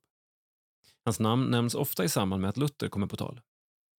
Men epitetet som en av landets främsta Lutherkännare viftar han snabbt bort. Jag hade den stora förmånen att växa upp som prästbarn i småkyrkorörelsen där jag från insidan fick se hur en församling kunde födas, växa och blomstra i en vanlig svensk förort. Därför ville jag som teologistudent i Lund ägna mig åt Luther och hans kyrkosyn. Den svenska Lutherrenässansen, som varit så stark under 1900-talet, hade dock ebbat ut när Karl Axel kom till Lund. Frågade man någon vem Luther var fick man ett svar avsett som en lustighet. En gammal tysk. Han bibehöll dock intresset för Luther och detta kom att fördjupas av möjligheten att redan som ung student bli en del av ett teologiskt nätverk för reformationshistorisk forskning där man regelbundet träffades i Wittenberg. Här blev han en del av en gemenskap av namnkunniga teologer från Norden som exempelvis Bengt Hägglund och Leif Grane, men också teologer från dåvarande DDR. När det kommer till själva poängen med att studera Luther citerar Aurelius gärna den kände Lunda-teologen Anders Nygren som sa det är inte så mycket för Luthers skull som teologin intresserar sig för honom. Hur han tillfälligtvis tänkt i den ena och andra frågan, utan det sker för att och i den mån han kan hjälpa oss till en djupare förståelse av evangelium. Många av Luthers skrifter är polemiska. Det kan ha sina fördelar då det synliggör positioner i viktiga frågor. Men att läsa Luther utifrån sin samtids konfliktlinjer kan också leda till en ensidig förståelse av hans teologi. Aurelius poängterar därför att man också behöver läsa Luther som präst, predikant och själavårdare. I grunden är Luther exeget, en utläggare av Bibelns texter, inte minst Gamla testamentet och framförallt Saltaren. Karl-Axel utvecklar resonemanget. Vid sidan av mitt arbete med avhandlingen så roade jag mig med att översätta Luthers förord till de olika bibelböckerna, vilket resulterade i boken Detta löfte gäller alla Få texter ger oss så kortfattat och kärnfullt en sådan insyn i hans teologi. I förordet till Saltaren gjorde jag själv en upptäckt hur Luther ser på kyrkan. Han skriver Saltaren håller dig borta från sekterna och kvar i de heligas gemenskap. Ty den lär dig att i glädje och fruktan, i hopp och bedrövelse tänka och tala så som alla de heliga tänkt och talat. Kort sagt, vill du se den heliga kristna kyrkan målad med levande färg och gestalt i en liten bild, så tag saltaren framför dig. Där har du en fin, klar och ren spegel som visar dig vad kristenheten är. Han levde med saltaren i både bön, lovsång och åkallan. Det var den bibelbok han arbetade mer med än någon annan. Här har vi något att lära för vår tid. Där får vi möta de heligas ord och formuleringar som även får bli våra i bön och sång. All god teologi sjunger. Det finns goda skäl att tala om den sjungande reformationen, konstaterar Karl-Axel och börjar en utläggning om ett ämne som han vurmar för. I hela kristenheten och inte minst i den evangeliska rörelsen spelar sånger och salmer en avgörande roll. Vi sjunger in evangelium i människors hjärtan. Luthers sätt att tänka och göra teologi kretsar i hög grad kring gudstjänsten. I uppräkningen av kyrkans kännetecken nämner han just den sjungande och lovprisande församlingen. Karl-Axel lyfter fram hur Luther föredömligt håller ihop akademi och kyrka, teori och praktik. Det moderna sättet har tyvärr blivit att skilja dessa åt. Idag riskerar vi därför att få en teologi utan kyrka och en kyrka utan teologi. Men hos Luther blir all teologi pastoralteologisk med ett själavårdande syfte. Karl-Axel menar att vi mist detta förhållningssätt och därför lever i den stora glömskans tid, där vi förlorat våra kristna berättelser, bilder, sånger och böner. Att vi genom detta har mist viktiga nycklar att tyda tillvaron och finna livsmod. Den lutherska teologin handlar om den stora berättelsen som återberättas och gestaltas gång på gång i gudstjänstens drama. I detta drama dras vi in med våra liv. Detta var den drivande övertygelsen bakom att översätta mässan och salmer från latin till tyska. Folket skulle bli delaktiga och Guds ord skulle få fäste hos den enskilde. Vidare betonar Karl-Axel att Luther var angelägen att justera den medeltida gudstjänsten just för att låta ordet ljuda genom hela gudstjänsten från början till slut. Det fanns enligt Luther sådant som måste ske i varje gudstjänst för att det skulle räknas som en gudstjänst. Nämligen att Kristi ord och gåva utdelas och mottages i tro. I övrigt menade han att det råder stor frihet. Allt som främjar evangeliet är tillåtet. Inget får skymma eller motsätta sig det. Och det som varken gör det ena eller andra kan man både ha och mista. Det är i gudstjänsten som det fröjdefulla bytet äger rum mellan Gud och människa. Här skänker Kristus det som är hans i utbyte mot det som är vårt. Genom ordet och sakramenten sveps vi in i Kristi rättfärdighet. Och vi svarar med tacksägelse och lovsången bryter fram. Mot den stora glömskan, den fragmenterade kunskapen och i syfte att föra människor, inte minst unga, in i kyrkans tro och liv slår Aurelius ett slag för ett förnyat bruk av katekesundervisning. Som biskop i Göteborg såg han behovet av ett kunskapslyft och tog initiativet att skapa en katekes för vår tid. Han återkommer gång på gång till formuleringen om behovet att skapa medvetna kristna och myndiga församlingar. För detta krävs just undervisning. Katekesens rötter går ända tillbaka till fornkyrkan. Luther såg behovet att återställa detta bruk. Det handlar inte främst om att plugga kristen teorikunskap. Huvudstyckena är hämtade direkt ur gudstjänstens centrala delar och följer högmässans struktur. Fördelen med detta är att varje del behandlas utifrån hur den kommer till uttryck i kyrkans liv. Gudstjänsten blir därför den bärande och enande framställningen av tron. Detta, menar Karl-Axel, är ett stort behov då vår tid så starkt präglas av individualism och andlig internalisering. Tron måste därför kopplas tydligare till kyrka och gudstjänstfirande. Portalparagrafen i kyrkoordningen håller på ett föredömligt sätt ihop detta med orden om Svenska kyrkans tro, bekännelse och lära som gestaltas i gudstjänst och liv. Katekesen syftar alltså till detta. Att fostra gudstjänstfirare som lever sig in i evangeliets värld och så får ett språk för sin tro och tolkningsnycklar för att tyda tillvaron, säger han och fortsätter. Reformationen handlade om evangelium åt folket, till tröst för bedrövade samveten. Det var vad reformatorerna ville återställa och det är även vårt uppdrag idag. Att göra evangelium tillgängligt för vår tids människor. Att formulera det i trohet mot bekännelsen och så att det svarar mot vår tids ångest. Här menar Karl-Axel att vi kan finna god vägledning hos Luther och i hans många texter av olika slag. Kanske skulle det själavårdande brevet få en renässans. Sådana brev skrev Luther tusentals. Många har läst om Luther, men få i vår tid tycks ha läst något av Luther. Därför är det viktigt att aktualisera hans egna skrifter och göra dem tillgängliga för vår tid på vårt språk. Och då inte bara lyfta fram de polemiska skrifterna, utan framförallt hans bibelutläggningar och uppbyggelseskrifter. I samarbete med Aurelius planerar EFS och budbäraren en utgivning av ett reformatoriskt bibliotek med ett antal nyöversättningar av både de mest centrala skrifterna av Luther men även sådant material som förut inte översatts. Just nu sitter Karl-Axel och översätter texter om hoppet i lidandet och om hur man förbereder sig inför döden. Det finns såklart klassiker som alltid bör finnas i uppdaterad form, men även mycket material som inte finns på svenska. Inte minst flera utläggningar från Saltaren som skulle kunna ge mycket tröst och vägledning i dessa speciella pandemitider. Den första volymen i denna bokserie kommer ut redan till sommaren. Det är en text som ger insyn i hur reformationen slår igenom i det lokala församlingslivet. Hur man skapar en församlingsordning, tar hand om fattiga och bedriver undervisning. Reformationen sedd från gräsrotsnivå, helt enkelt. Här finns mycket att hämta, även för nutida svenskt kyrkoliv. Vi avrundar därför vårt samtal med en sista men brännande aktuell fråga. Behöver Svenska kyrkan bli mer luthersk? Att vara luthersk är inget självändamål. Det var han noga med att betona själv. Vad Luther drev var det evangeliska. Vi tillhör den evangelisk-katolska delen av kristenheten. I den bemärkelsen behöver vi bli mer evangeliska. Det finns idag en tydlig vridning åt det lagiska i förkunnelsen. Här kan Luther bli till hjälp för oss att rätt skilja mellan lag och evangelium.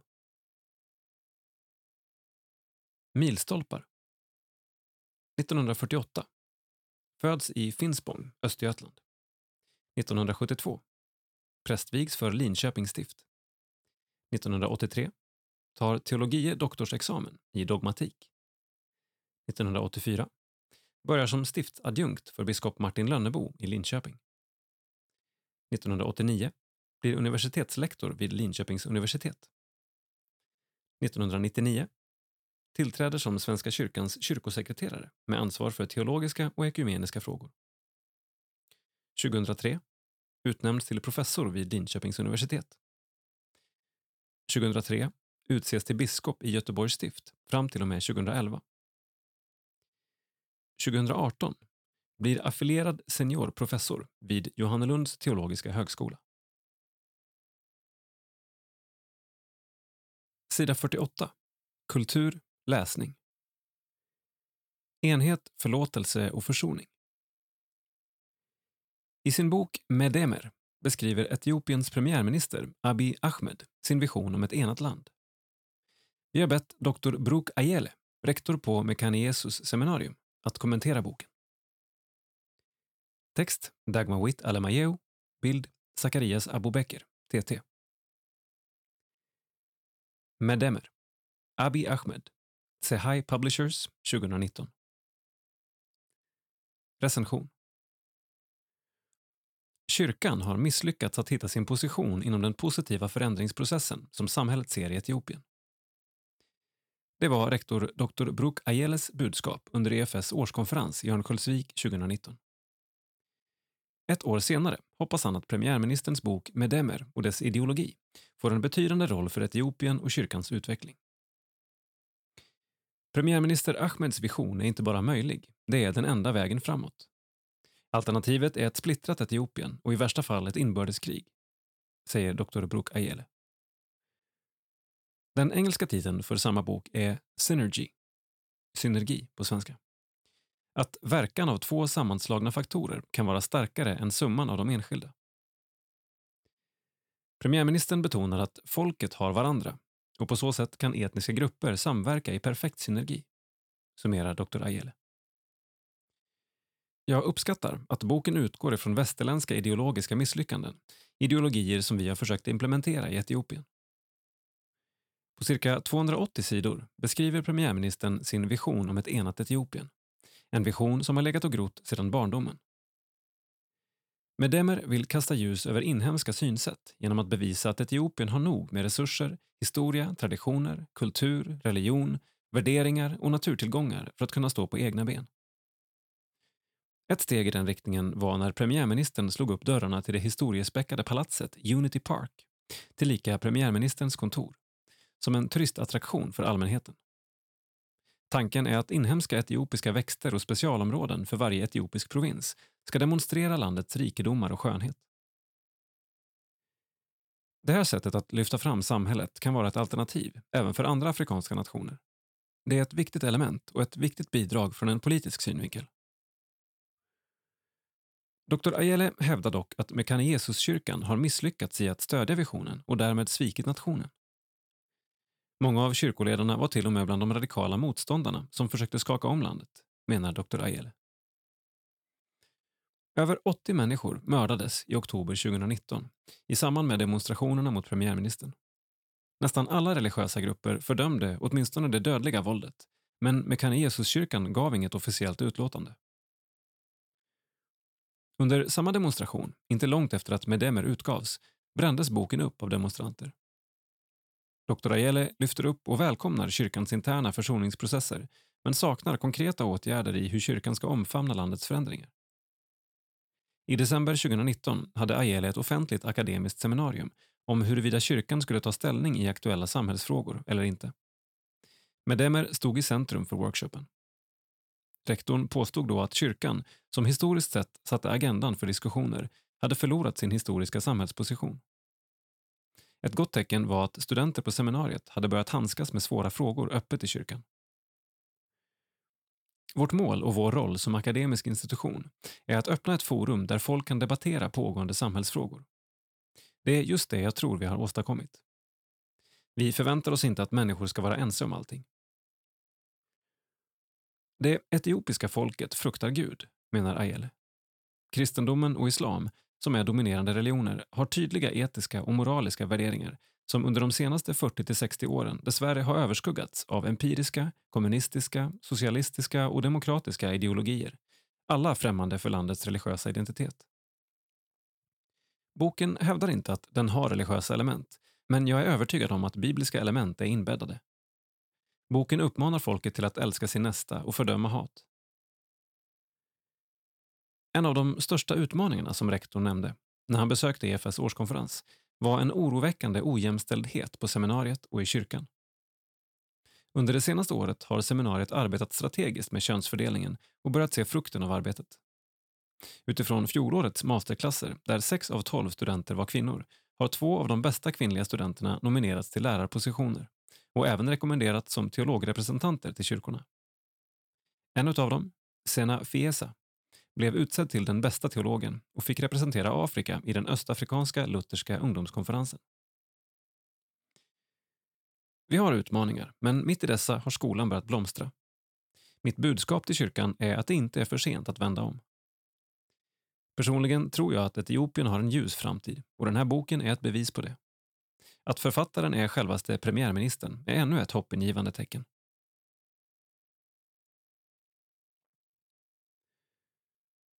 Vägskäl. Skäl att välja vägen. Arvid Nyström, Artos och Norma, 2020. Recension. Arvid Nyströms bok Om synd och kärlek, för att använda hans egen beteckning, har fått den fyndiga titeln Vägskäl. Skäl att välja vägen. Det är en bok om andlig fördjupning, en utmanande bok om att reflektera över sitt eget andliga liv och sina val. I fem huvudkapitel bearbetar författaren livet på vägen mellan dess diken. Utgångspunkten är de sju dödssynderna och deras motsats. Dessa står som ytterligheter. Mellan dem är den egentliga vägen, den smala vägen som ytterst är kärleken, men som inom sig rymmer mycket som också kan ges andra namn. Ödmjukhet, generositet, förlåtelse med mera. Alltså sådana egenskaper som räknas till Andens frukter. Boken är resonerande. Författaren knyter an till vår västerländska vardag och han skriver personligt, närmast berättande.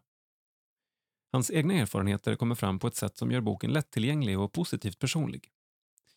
Detta är inte en lärobok för andra. Det är en bok där författare och läsare tillsammans söker sig fram på vägen mellan dikena. Efter varje huvudkapitel finns några frågor för egen eller gemensam reflektion. Bokens framsida pryds av en gråaktig bild av järnvägsspår som korsar varandra. Den är lite missvisande i sin gråhet. Boken rymmer betydligt mer hopp och frihet och glädje än bilden antyder. Men det är en bok som i god mening kräver att läsaren vill arbeta på sin frälsning. Det är en arbetsbok, inte en avkopplingsbok. Lars-Olof Eriksson Sida 51. Kultur. Psalm. 769. Gud i dina händer. Gud, i dina händer vilar jag i tro. Vilar i din värme och din ro. Varje brustet hjärta, varje skadad själ famnar du i nåd och gör den hel. Nära vill jag leva, nära dig, min Gud. I din omsorg finner själen ro. Nära vill jag leva, nära dig, min Gud. I din kärlek kan min kärlek gro. Gud, i dina händer vilar jag i bön. Växer glädjens tro och hoppets frön. Du har oss försonat, Jesu Kristi död räddar oss till liv i överflöd. Nära vill jag leva, nära dig, min Gud. I din omsorg finner själen ro. Nära vill jag leva, nära dig, min Gud. I din kärlek kan min kärlek gro. Det var en majkväll på Hagabergs folkhögskola i mitten av 90-talet. En grupp EFS-anställda hade vårt årliga möte där. Vid aftonbönen i kapellet delade Eskil Lundström ut ett sångblad och satte sig vid flygen. Redan under förspelet hajade jag till och när vi sedan började sjunga kände flera av oss att detta var en mycket speciell sång. Gud, i dina händer vilar jag i tro. Nära vill jag leva, nära dig min Gud. Inom EFS blev den snabbt populär. Vid årskonferensen i Uppsala på sommaren hade den utsetts som konferenssång. Vi sjöng den varje dag. Denna psalm kommer från Finland. Författaren och diktaren Ann-Marie Kaskinen och tonsättaren Pekka Simojoki skrev den till en gospelmässa för Finska Missionssällskapet på tidigt 80-tal. Den blev genast mycket omtyckt där bland både ungdomar och vuxna. Sedan Per Harling gjort en fin bearbetning till svenska blev den också snabbt uppskattad i vårt land. I psalmbokstillägget 701-800, som EFS var med och tog fram, är detta den psalm som förmodligen är allra mest omtyckt. Den sjungs i både glädje och prövning, numera också ganska ofta vid begravningar. När Kyrkans Tidning nyligen presenterade en enkät om vilka salmer som borde sjungas oftare satte prästerna nummer 769, Gud i dina händer, näst högst i hela psalmboken. En bra psalm behöver både en bra text och en bra melodi. Pekka Simojokis melodi är vacker och lite vemodig, ändå inte sorgsen. Durackordet som inleder refrängen lyfter och ger hopp. Texten inrymmer många av livets delar och är lätt att identifiera sig med. Men vad gör att denna psalm går från bra till lysande? Kan ni läsare hjälpa mig att svara på det? Är det kanske själva anslaget, de första orden? Vi har många fina bilder för Guds omsorg och ett liv i tro. Men det är något alldeles speciellt med detta att få vara i Guds händer. Det som David beskriver med de kända orden i Psaltaren 139.5. Eller med Dag Hammarskjölds ord. Det oerhörda, att vara i Guds hand. Torbjörn Arvidsson. Sida 52. Kultur. Till minne av Per-Olof Enquist, 1934 till 2020, återpublicerar vi här en artikel från budbäraren nummer 5 2015. Ur väckelserörelsens mylla. Per-Olof Enquist om barndomen i sjön. Vi har växt upp under samma altartavla.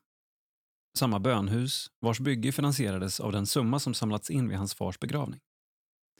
I samma by har vi, både undertecknad och författaren Per-Olof Enquist, våra rötter. Text och bild Paulina Hedman. Bokhyllan bakom honom är fylld. Varje bok som han skrivit, flertalet språk och upplagor finns representerade där. Imponerande. Det är min egocentriska bokhylla, säger P.O. Han gick omkring som en vandrande tall, är ett uttryck Per-Olof Enquist använt återkommande om sig själv.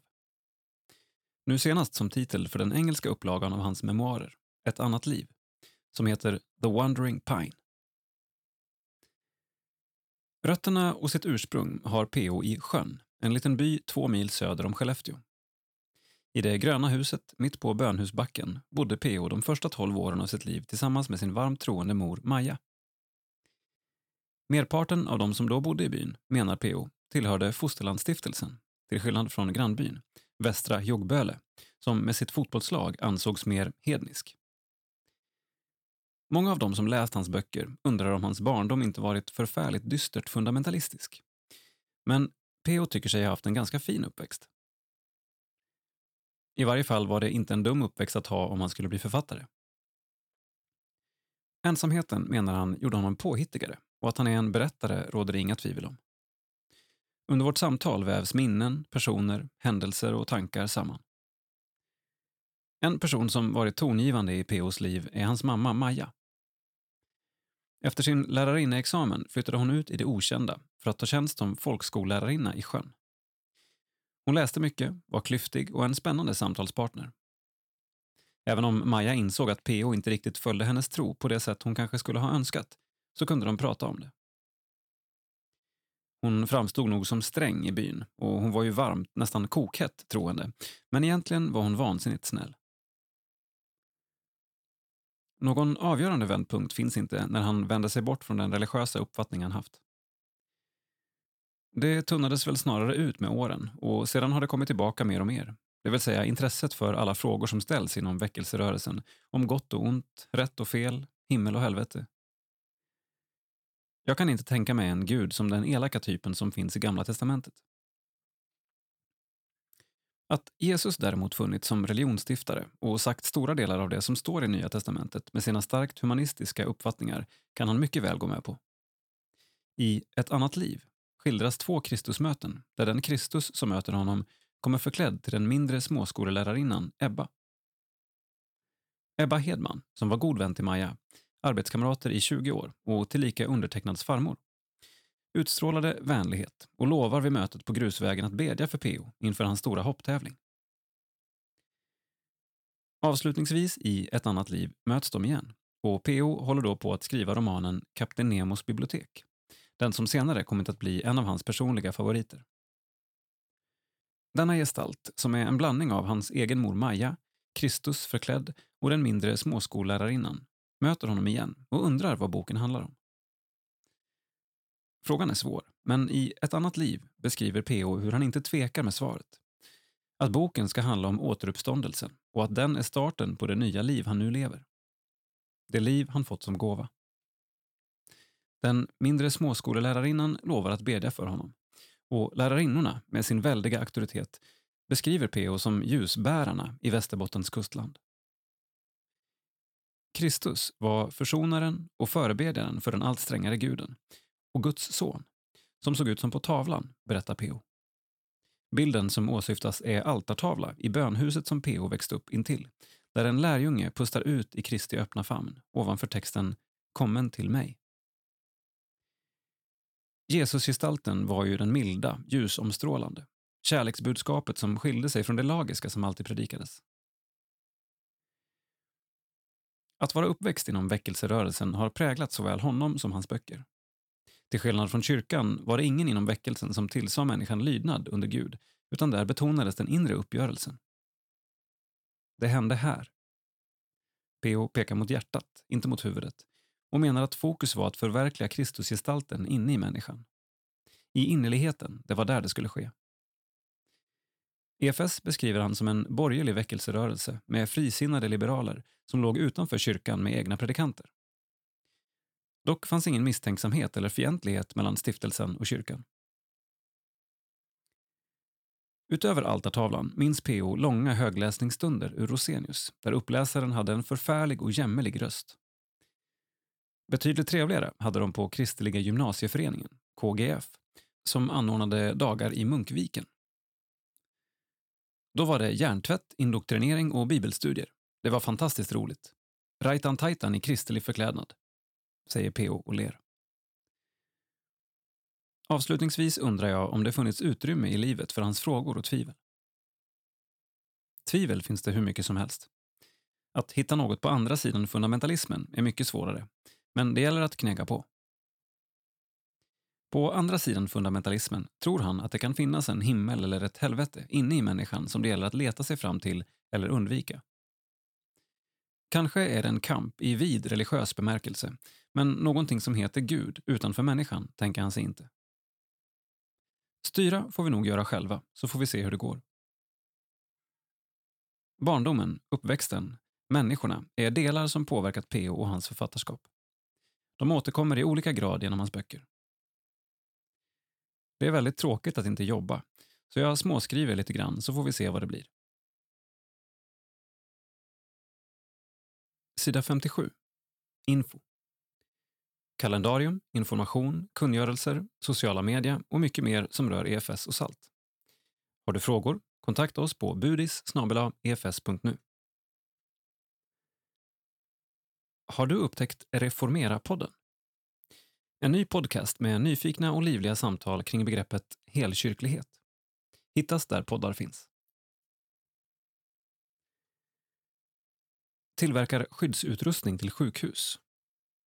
Nora Sandahl berättar från Tanzania. Coronaepidemin är här, men det är ganska oklart hur utbrett det är. Som i många andra länder undrar man, hur stor är toppen på isberget? Åskan mullrar under ytan och skyddsutrustning saknas i stor utsträckning. Iringa stifts diakonala departement med Hannes och hans kollega Brown i spetsen har börjat ett projekt i samarbete med Nema Craft, Anglikanska kyrkan och lokala och utländska sponsorer, däribland EFS. Skyddsutrustning såsom munskydd, visir och skyddsrockar sys upp och distribueras ut till sjukhus och vårdcentraler. Staten är inblandade och är positiva och glada för initiativet. De lokala sömmerskorna från Nema Craft, vilka alla har någon form av funktionsvariation, sitter i sina hem och syr då Nema Craft är stängt. Det har varit många äventyr på vägen, inte minst när Hannes och två hjälpande bilar fastnade i leran i 14 timmar när de skulle köra ut symaskinerna till sömmerskorna förra veckan. Men det går framåt och första leveransen med skyddsutrustning till Ilula sjukhus har levererats. Även en tvättmaskin för att kunna tvätta skyddsutrustningen. Följ familjen Sandahl på Instagram. Snabel Sandals med Z i slutet. Stötta din kristna bokhandel. Många kämpar för överlevnad i coronakrisen. Martin Garlöv är föreståndare för bokhandeln Arken i Uppsala. Han har märkt av en minskning av kunder och även webbförsäljningen har minskat, men han håller humöret uppe trots allt. En kund sa till mig, till er vågar man ju gå, det är ju så lite folk här, säger han med glimten i ögat. Bokhandeln Arken huserar i ett före detta stall som förut tillhörde den anrika kristna skolan Fjällstedtska längs Fyrisån. Jesus föddes i ett stall, så detta passar oss perfekt, säger Martin, som längtar efter att krisen ska upphöra så fler ska ha möjlighet att komma till den fysiska butiken. Han tror att de kristna bokhandlarna runt om i Sverige fyller en viktig funktion, bland annat som mötesplats. I en vanlig bokhandel kanske man har en bokhylla för religiös litteratur, där mycket är new age. Vi vill ha böcker för alla åldrar och samfund. Här kan man ta en fika eller lyssna på ett föredrag och bli stärkt i sin kristna tro säger Martin. Lovisa Fundell.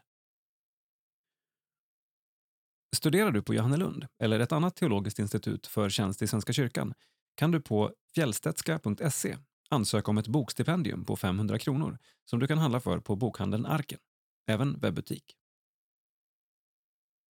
Söderledskyrkan firar 50 år. Den 12-13 september firas 50-årsjubileum i Söderledskyrkan i Norrköping. Verksamheten har präglats av ett väl fungerande samarbete mellan EFS och Svenska kyrkan.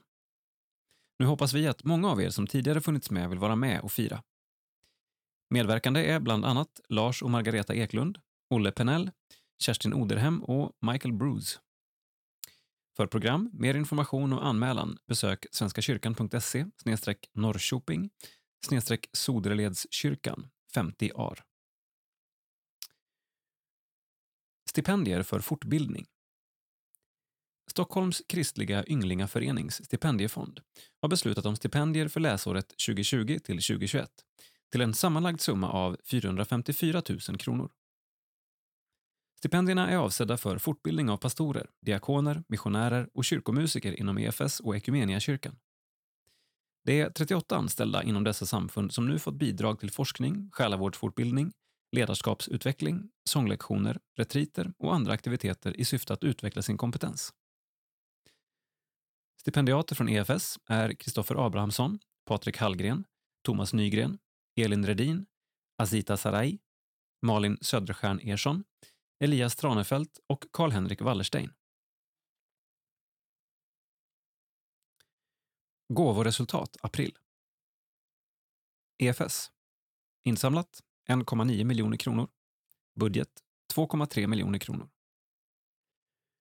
Det preliminära insamlingsresultatet för april är 1,9 miljoner kronor, cirka 450 000 kronor mindre än budgeterat för perioden. Årets totala insamling uppgår i skrivande stund till 7,8 miljoner kronor, vilket är cirka 2 miljoner kronor under budget. Insamlat 7,8 miljoner kronor. Mål 2020 33,3 miljoner kronor. Salt. Insamlat 236 163 kronor. Mål 2020 1 miljon kronor. Insamlingen till salt tuffar på och vi är glada för att det går sakta uppåt i givandet.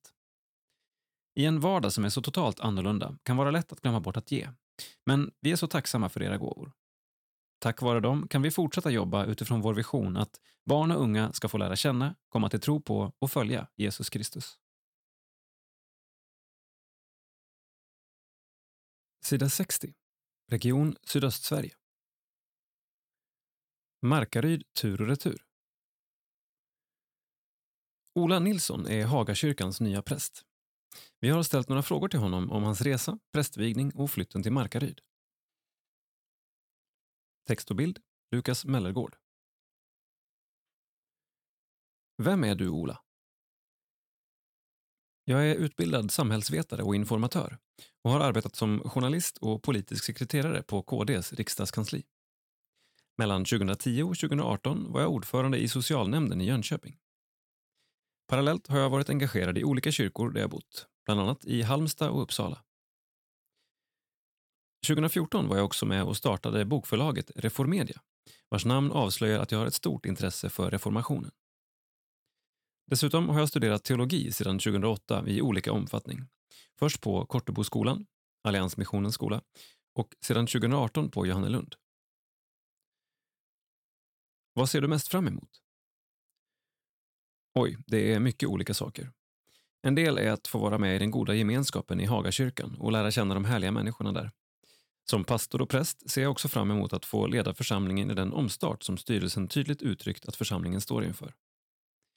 Vi hoppas även på en projektanställning för Marie-Louise i kyrkan och då får vi arbeta tillsammans. Vilka utmaningar står ni inför? Vi behöver återupptäcka vad det innebär att vara Kristi kropp och kyrka i den här tiden. Vad i vårt bagage ska vi bevara, eller kanske återupptäcka? Och vad får vi lämna därhän? Vi behöver också nå ut med evangeliet om Jesus Kristus och behöver då dels förstå hur vi gör det, dels få den helige Andes hjälp i det. Slutligen tänker jag på barn och unga som oerhört viktigt. Och det som är utmanande är väl också det som är roligt att få arbeta med. Varför just Markaryd? Vi började resa ner i september för att bara predika några söndagar och sedan blev vi fast. Styrelsen var väldigt tydlig med vad de upplevde och under vintern la Gud ner en väldig glädje i mig. Och som sagt, på något sätt känns det som att cirkeln sluts. Vad händer den 14 juni? Då är det prästvigning i Växjö domkyrka. På ett eller annat sätt, med tanke på corona. Förutom två diakoner vigs även Mattias Sånglöv som blir präst i samarbetskyrkan EFS Svenska kyrkan i Kristdala, vilket på något sätt känns extra roligt. Vad gör du på fritiden? Det har blivit mycket renovering av huset och det är faktiskt något jag nu ser fram emot att inte fortsätta med. Annars gillar jag att vara ute i naturen, umgås med familj och vänner, springa och se en film då och då. Läsa får jag nog inte glömma, om du frågar min fru. Hur skulle du vilja beskriva Jesus? Jesus är allt det vi inte är och vi så innerligt behöver. Fullkomlig kärlek och fullkomlig Gud. Samtidigt är han full av paradoxer, för han är också människa som vi. Han är upphöjd och inkarnerad, lejon och lamm, varm och utmanande. Han ensam är fullkomlig frihet. Ingen kan kontrollera honom. Och han älskar att umgås med syndare och rädda sådana som oss. Han är vägen till Faderns hjärta.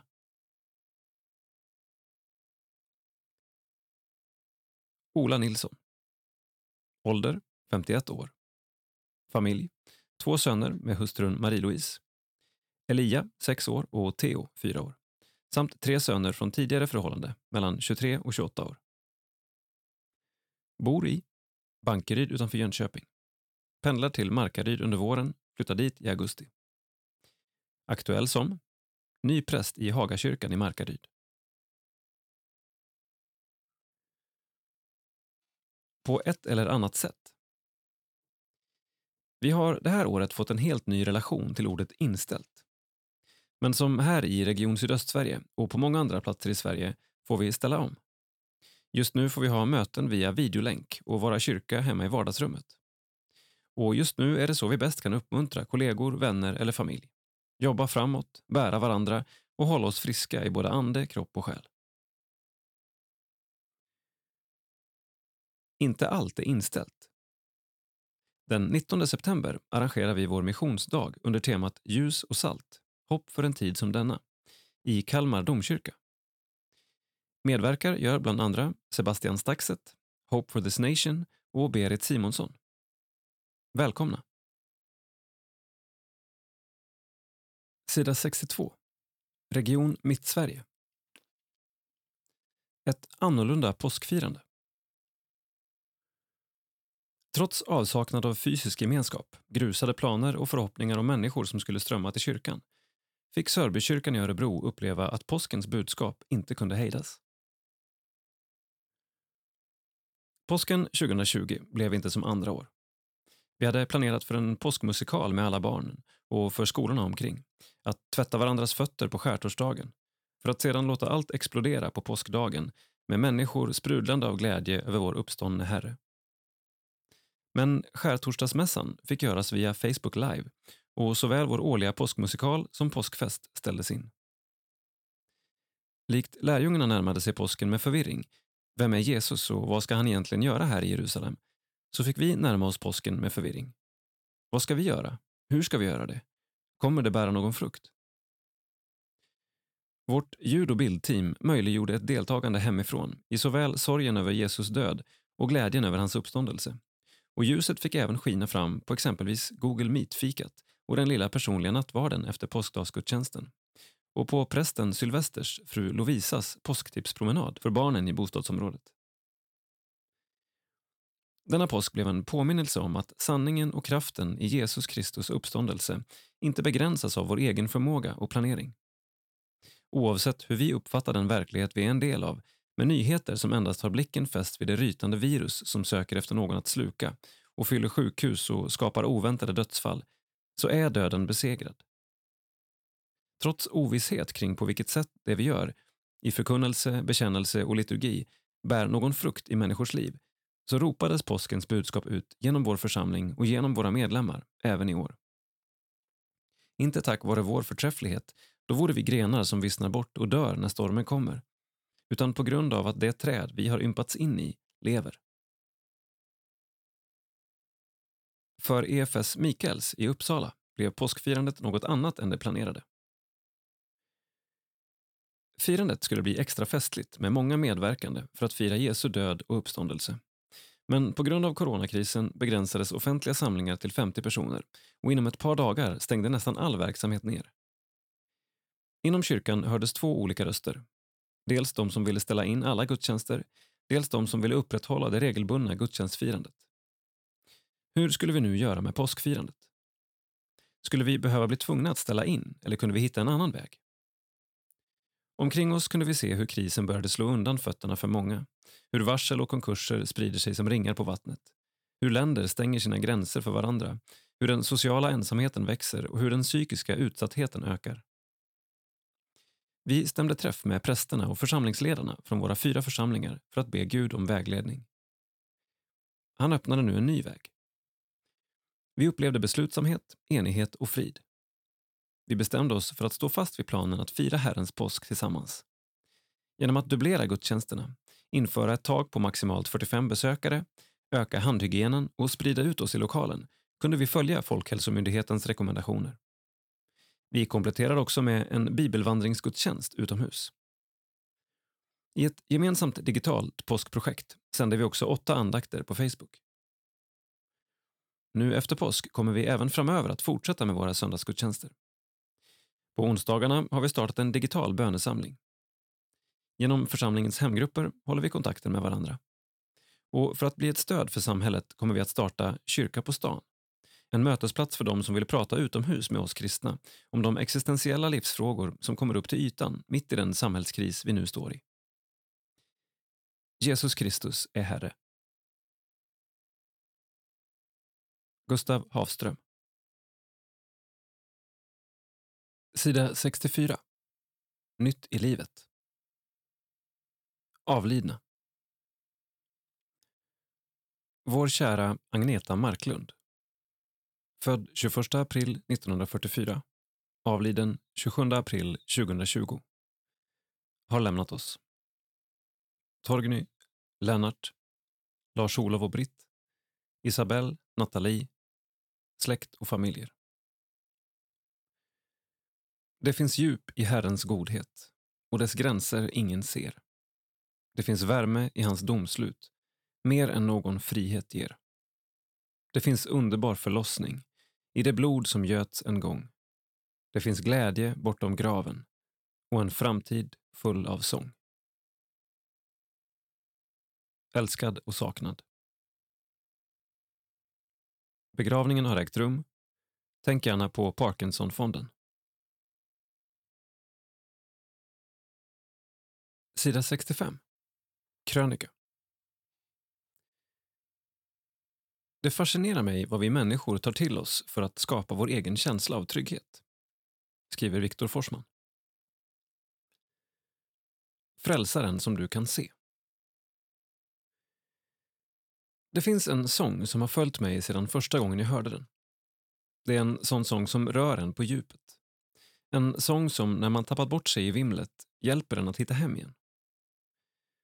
Den hjälper mig att komma tillbaka till det som är viktigt i livet. Att kalibrera om så att man återfår skärpan och kan se klart.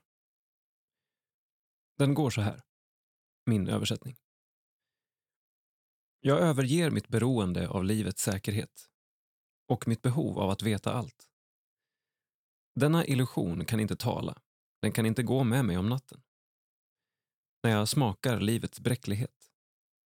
Jag letar efter en frälsare som jag kan se och känna och beröra.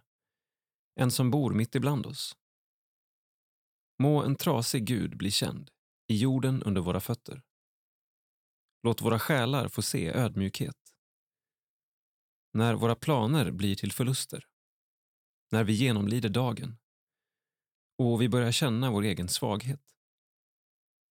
När förnekelsen inte är tillräckligt stark för att hålla vår rädsla i styr och vi inte kan undgå vår egen tomhet.